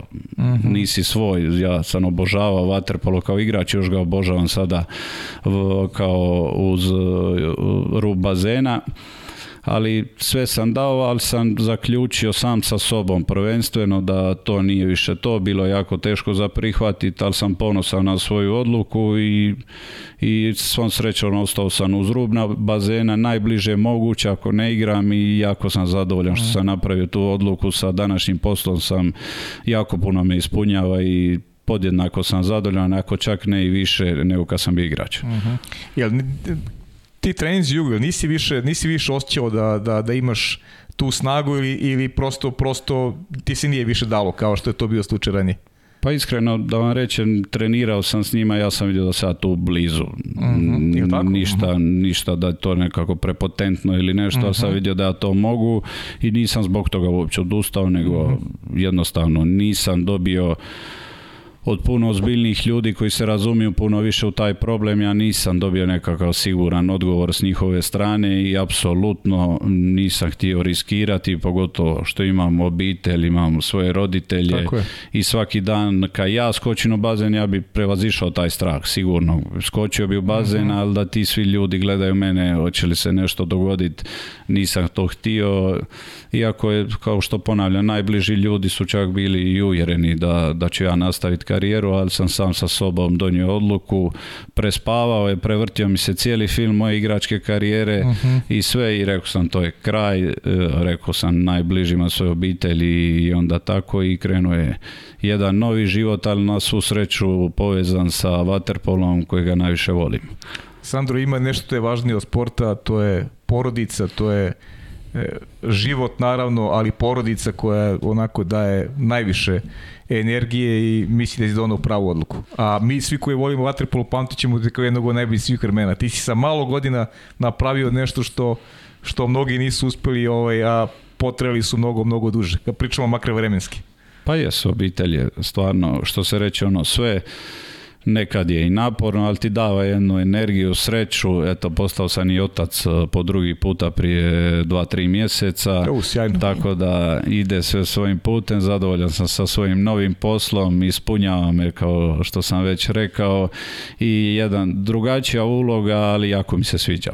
Da, super. Saro, ćemo čujemo još ono pitanje da malo pre nego što uđemo u završnicu.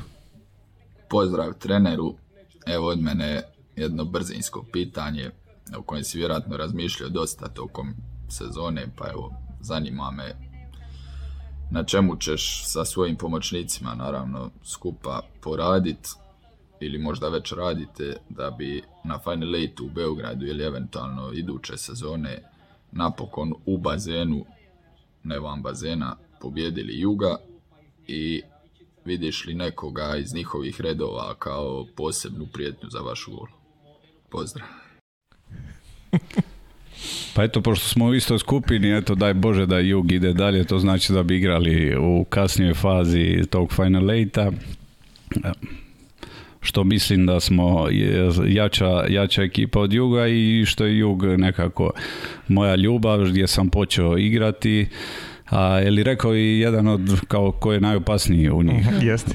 to je Fatović sigurno, koji je najveći talenat uh, najveći talenat i sigurno ima najbolji vic u igri i sigurno je najbolji njihov igrač, tako da je on onako najopasniji od njihovih, ali dosta i dobro poznam i privatno, tako da se nadam da nećemo igrati s Olimpijakosom, jer ću nažalost ovo mora prijateljstvo malo proširi sa, sa mojim igračima i odati im neke mane našeg naše golmana iz Olimpijakosa. Pozdrav za Marka Bijača i hvala mu puno na na učešću emisiji, pa jednom zgodom čekam ga da bude, da bude ovde gost. O tom potom.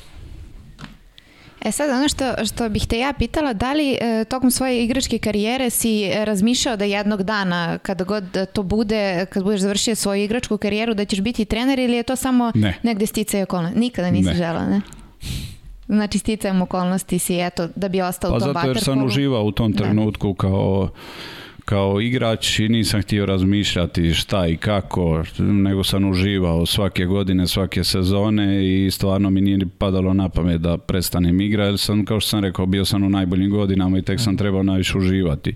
Tako da je zato bio to još veći šok, ali poslije prvog treninga reprezentacije kad sam bio priključen odmah poslije završetka karijere od strane Ivica Tucka, sam se zaljubio u taj posao, počelo me zanimati, u tim trenucima mi nije bilo lako jer sam morao se nekako boriti s tim s tom stranom da je to kraj za moju igračku karijeru a opet s druge strane nisam smio prikazivati, pogotovo na pripremama te reprezentacije, slabost, jer su to sve moji igra, su igrači bili do mhm. jučer i oni su uvijek nekako imali oslonac u meni, tako su, smo sve skupa izgradili tu grupu ljudi i tima, tako da nije mi bilo lako, borio sam se, trebao sam u istom trenutku se boriti sa svojim problemima, sa svojim šokom, a u istom trenutku i početi učiti i nadograđivati sebe, jer sam krenuo od nule, imao sam uh, veliko iskustvo iz igra igračke karijere, ali puno treba učiti i kao trener.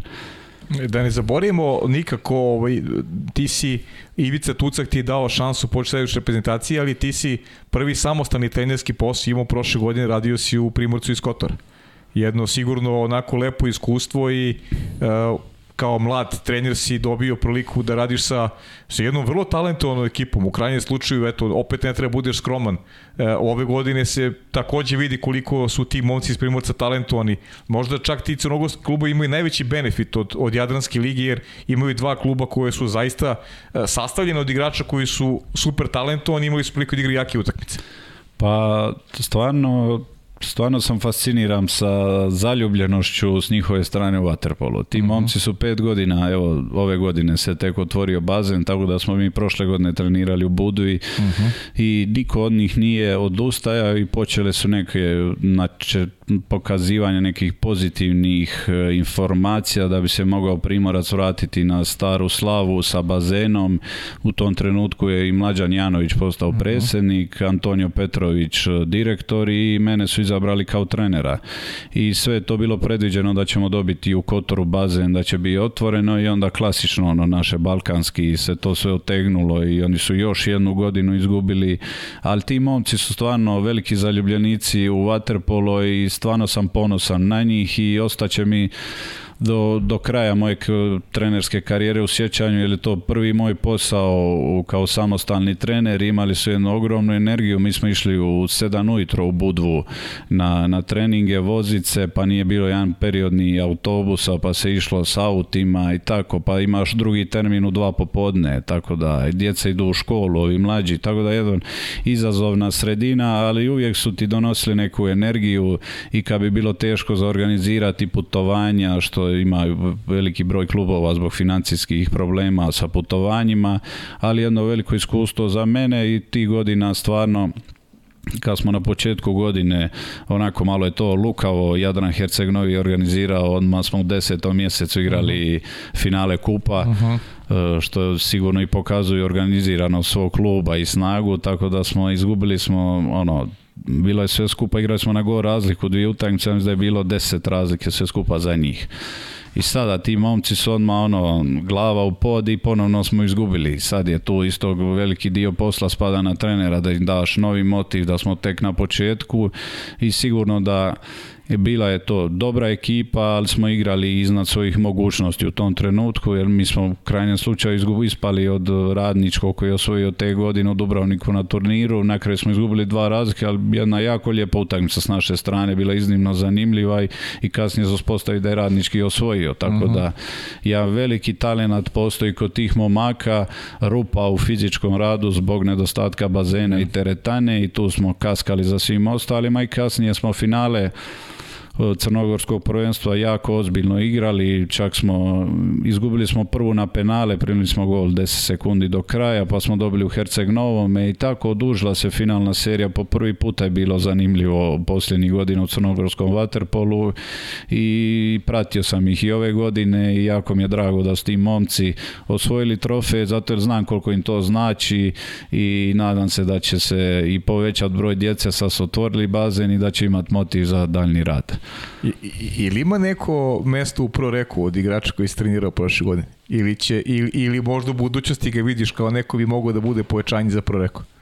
Ne, ne moraš o imenima, naravno, nego pitan te ovako prosto iz tvog nekog ugla trenerskog. Pa u ovom trenutku teško je to, uh mhm. -huh. to reći, zavisi koji imaš vidike, koja su očekivanja od proreka. Meni je, meni uvijek nekakvi neki sistem gradnje ekipe da ti moraš imati jednu, ako imaš mogućnost tu, ali se i prilagodiš, uvijek imaš 3-4 najbolja, možda ako imaš male financijske mogućnosti, opet uvijek izvučeš 3-4 najbolja, možda mhm. nisu mhm. najbolji za ostale, ali 3-4 što imaju jednu veću slobodu u igri, onda imamo ove koji igraju dosta, ali ih moraš usmjeravati ozbiljno i dva koja se moraju apsolutno prilagođavati sistemu ekipe i biti uvijek na raspolaganju ekipi i ako se dogodi nešto u ekipi ili veliki broj isključenja da preuzme odgovornost u tom trenutku i tu da se svak zna ko radi svoj posao i po meni je to glavni, glavni cilj trenera da sastavi, da svak shvati koja je njegova uloga u ekipi. Kaži mi, ja, ja bih imao da ti pitam, pa, sprećujem brzo na pitanje gledalaca. Pa, idemo odmah sad. Samo još jedno pitanje, mogu bi ja pričam ovako još 3 sata, zaista. Samo Nemoj, mora, molim te. Ne, mora, će dođeš još neki put. Da, biće prilika, ti si mlad trener, biće prilika gostuješ ponovo, tada ćemo pričati samo o, temama koje su aktualne. I si imao neka ponudu, neku Sandro kluba dok si igrao, a a da možda žali što je nisi prihvatio. Je bilo neki ponuda koje si dobio, a da nisu poznate možda široj, široj javnosti? Pa iskreno, ja ne znam, ono, često sa nekim igračima kao imam ponude pet klubova, šest, uh mene u životu nije zvalo pet klubova, sve skupa u karijeri. Ja, Tako? ja ne znam kako to funkcionira. Kao nema mi ništa govori, zvalo me sedam klubova. Ja, šutim, pijem kavu, ono, ja govorim kako to, ne, ne, nema, nema sedam ljudi moj broj, a ne sedam klubova da me zove. Možda i nisu htjeli da me zovu, možda su... Mm, znali unaprijed neki moj odgovor, mhm. ali sigurno da, da sam uvijek bio mi je cilj da bude to konkurentna ekipa mhm. i naravno onda kasnije gledaš i financije ako možeš bira da se prilagodi što bolje i sigurno da kako dolazim s mora da mi je uvijek bilo draže igrati na, u gradu koji, koji je blizu moru ili na moru. To je to, da. Andrija, Svi bismo željeli da smo blizu mora i na more Ajmo pitanje gledalaca, ajde. Da, da evo, gledam Aleksandrina pitanje, baš smo, većinu smo prošli, tako da pa nećemo, ajde, nešto, mnogo. Da. pitanje koliko je strasan trenerski posao?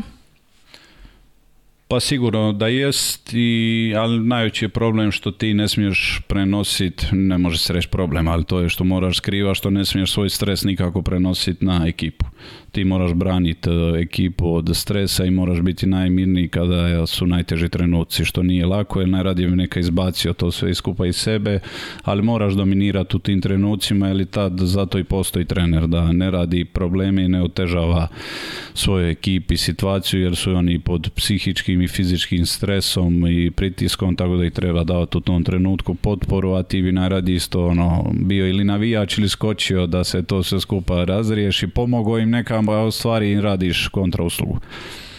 E, kako se osjećaju kada je 2017. godine proglašen najboljim igračem sveta? Pomenuli smo da, da si eto u Budimpešti tada proglašen za najboljeg igrača, pa kako se sećaš toga?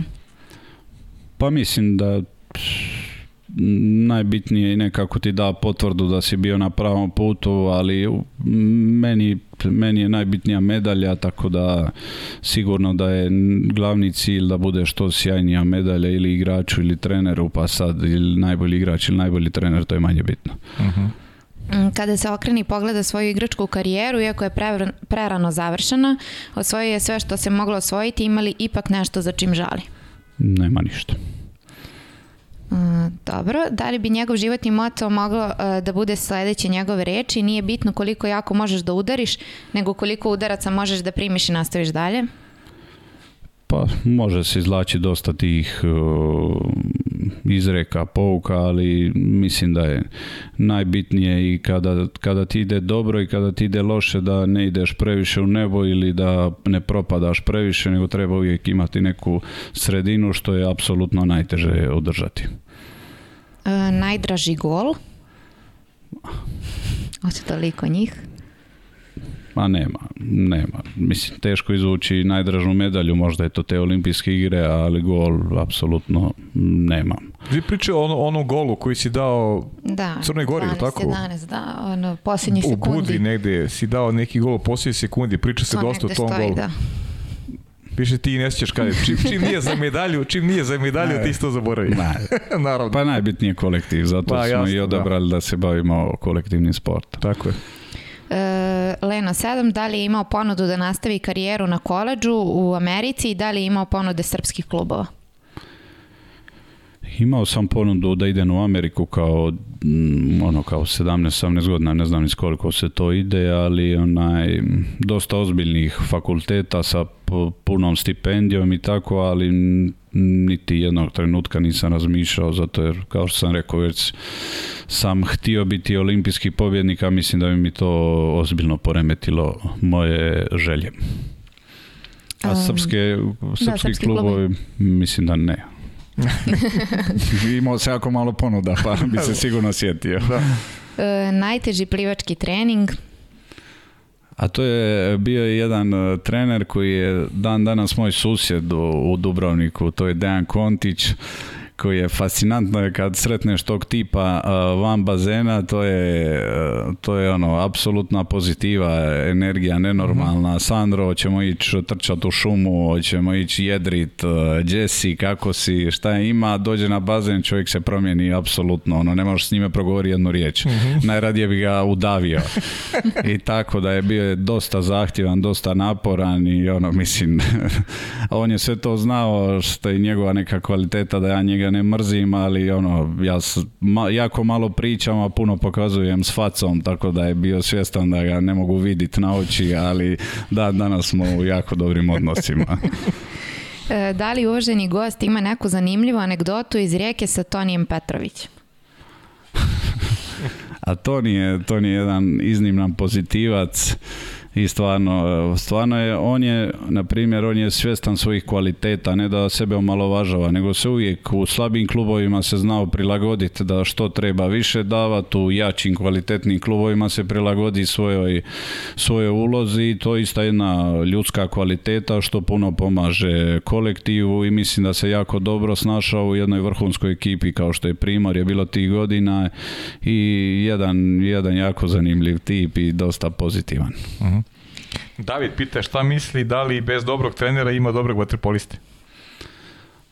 Pa u mlađim kategorijama jako teško, to je de facto neizvedivo i tu imamo veliki problema u vaterpolu jer su jako mala primanja jako mala primanja, pogotovo za trenere mlađih kategorija, to je neka baza za stvaranje igrača, tako da sigurno, sigurno da i ja nešto nisam uspio zaraditi u igračkoj karijeri da bi mi bilo puno teže se opredijeliti na taj trenerski posao, nego sam imao neku sigurnost, pa sam mogao malo, jer je bilo i godina kada nisam ništa zarađivao, nego samo tu radiš, da sebe uložiš, da jednog dana postaneš ozbiljni trener, tako da mislim da nije lako tim momcima koji imaju slabije karijere, koji manje zarade, da se uspiju opredijeli na taj, na taj put, zato je puno sigurnije kad uzmeš neki posao, imaš toliki iznos, radiš, redovno primaš platu, a krenut u vaterpolo bit neki trener mlađih kategorija, ne primit platu po 2-3 mjeseca, pa te obitelj e, pritišće mhm. kako ćemo dalje, odustani, zaposli se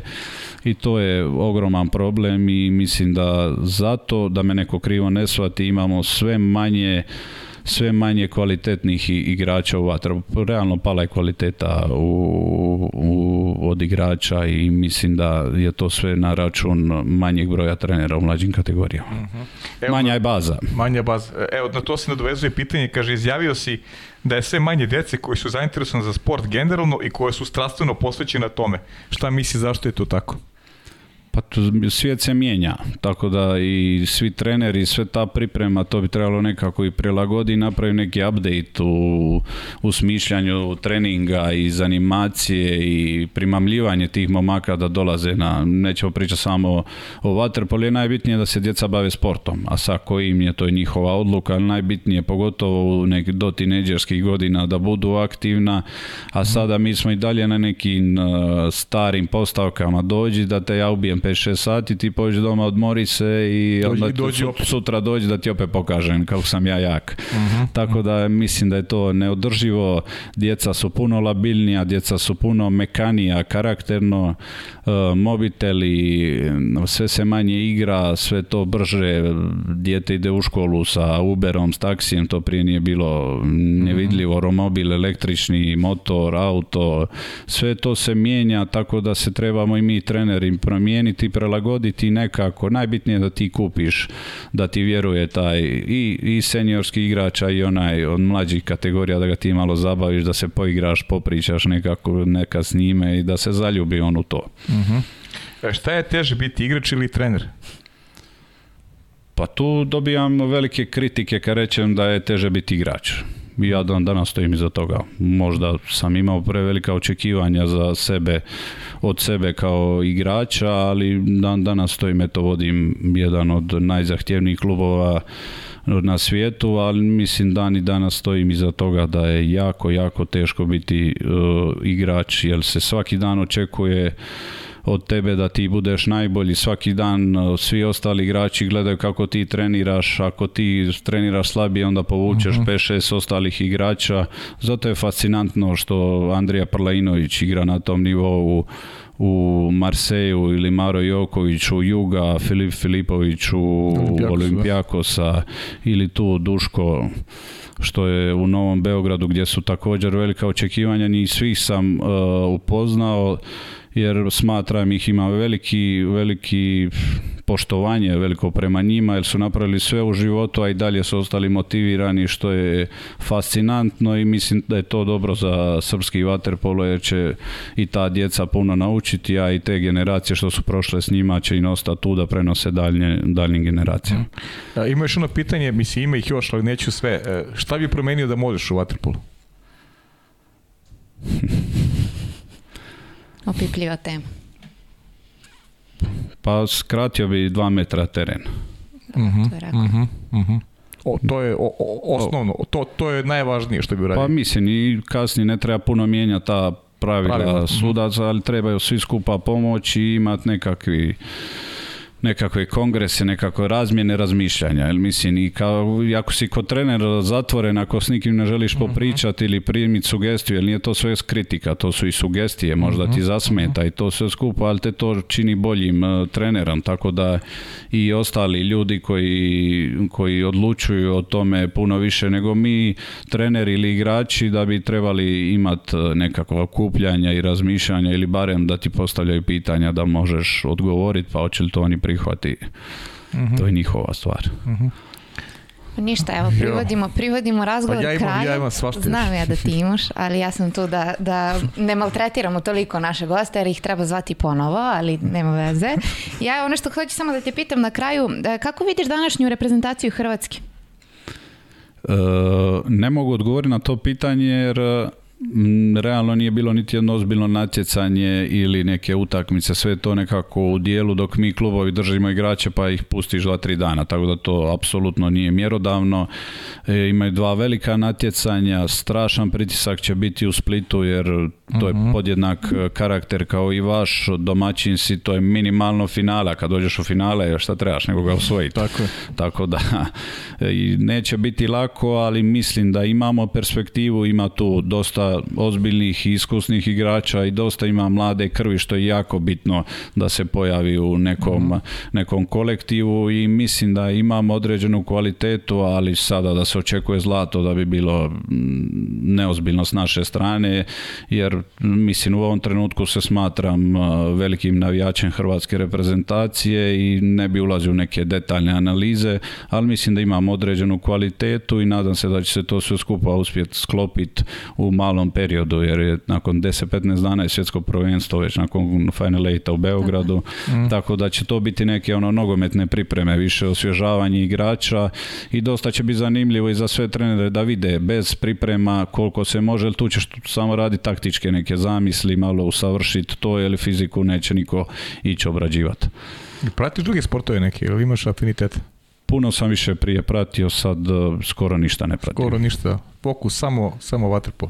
Pa obitelj, vaterpolo i čak ni ne gledam ni previše utakmice vaterpola. Uh mhm, mhm. Na primjer ovu drugu skupinu Lige prvaka jako slabo pratim, više pratim ovu moju italijansko prvenstvo radije ću pogledat e, neki Salerno koji me čeka za sljedeću, za mhm. sljedeću utakmicu u prvenstvu koju ćemo sigurno pobijediti, ali nikad ne opterećujem igrače da gledamo pripremu za Salerno, nego ja sebi oduzimam vrijeme, pripremam se za te utakmice i onda njima u kratkim crtama pojašnjavam mhm. koje su opasnosti, slabe točke i tako se pripremaš iz kola u kolo, unaprijed razmišljaš za program sljedeći mjesec kad im dati slobodno, Aha. ne stalno trening, trening, trening, tako da, mislim, najbitnije manipulira s grupom i, i, to je, to je to je jedina istina. E, pre porodice, kaži mi još jedno samo stvar. S kim ti je bilo najteže u bazenu? Koga pamtiš iz igračkih dana kao, kao pa ajde, najtežeg rivala?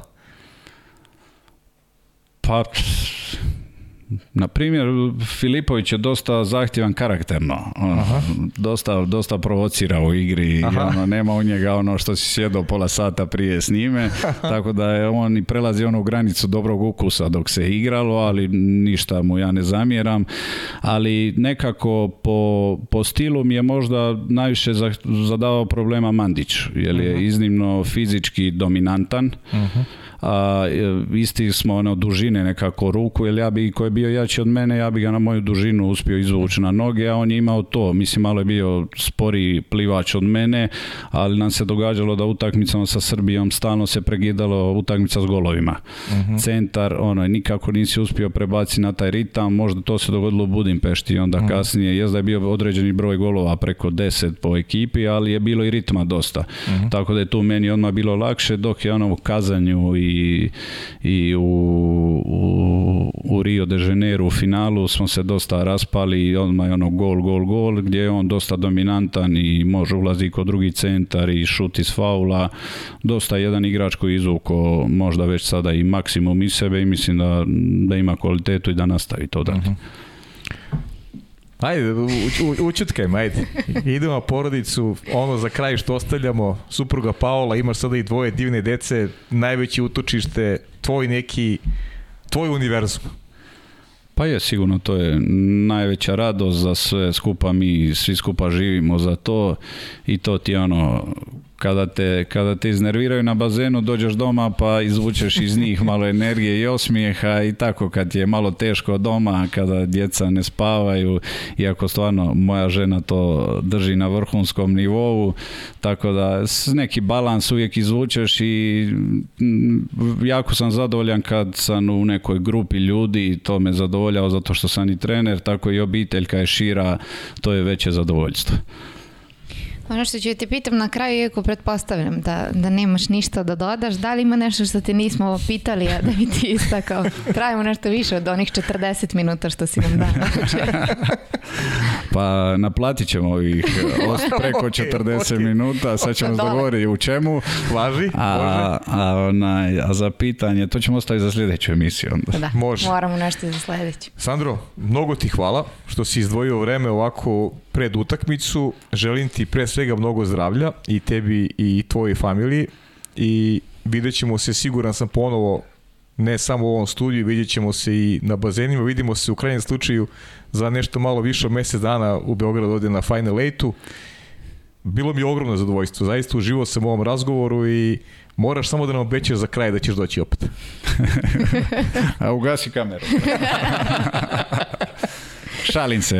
E, eto, nadam se da ćete vi opstati i sljedećih godina, mjeseci i tako da. I vama će doći možda kad se malo ispucaju teme, gosti, malo teže to sve skupa organizirati, ali mislim da ima, imate sigurno puno ideja da se malo to sve skupa i proširi i sve skupa i mislim da radite dobar posao i nadam se da, evo, da ćete opstati kao što sam rekao jer je jako mali smo sport i mislim da se trebamo držati i pomagati jedan drugome. Znači dolaziš. Dobro, ok. ne, vi nama toliko tema dajete za, za razgovor, tako da čisto sumnjam da ćemo uspjeti da istrpimo sve te resurse. E, naravno, evo i sa moje strane da se zahvalim što si bio naš gost i eto, možda će neko da mi zamjeri, možda neće, ovo mi je bio jedan od prijatnijih razgovora, iako je trajao nešto više od dva sata. Ovaj, I nadam se da ćeš nam doći sledeći put. Da, to bilo baš nema, nadam se, Ne pitaj više. ne smem. A, Pavle, prepuštam ti da ti odjaviš emisiju. Pa ništa, ja samo pratite Instagram profilu, uživajte u ovoj predivnoj emisiji koju smo uradili sa Sandru Suknoma e, sledeće nedelje najverovatnije da sad ne obećam, ali Gojko i Duško Pjetlovi i sada budu sa nama da malo analiziramo dešavanje u regionalnoj ligi. Duško je e. bio MVP. Gojko... Eto, neću doći sljedeći tjedan da, opet, da, opet ne počeram Pjetloviće. da, da. Ne, ne, ne, ti nevezano za Pjetloviće, ti, te, tebi bismo snimili... Jel, ako se Duško naljuti, onda je opasno. Duško, e, da, da, da. Duško, nemoj da slitiš. Gledajte naše Instagram profile, uživajte u toj emisiji i želim vam svako dobro.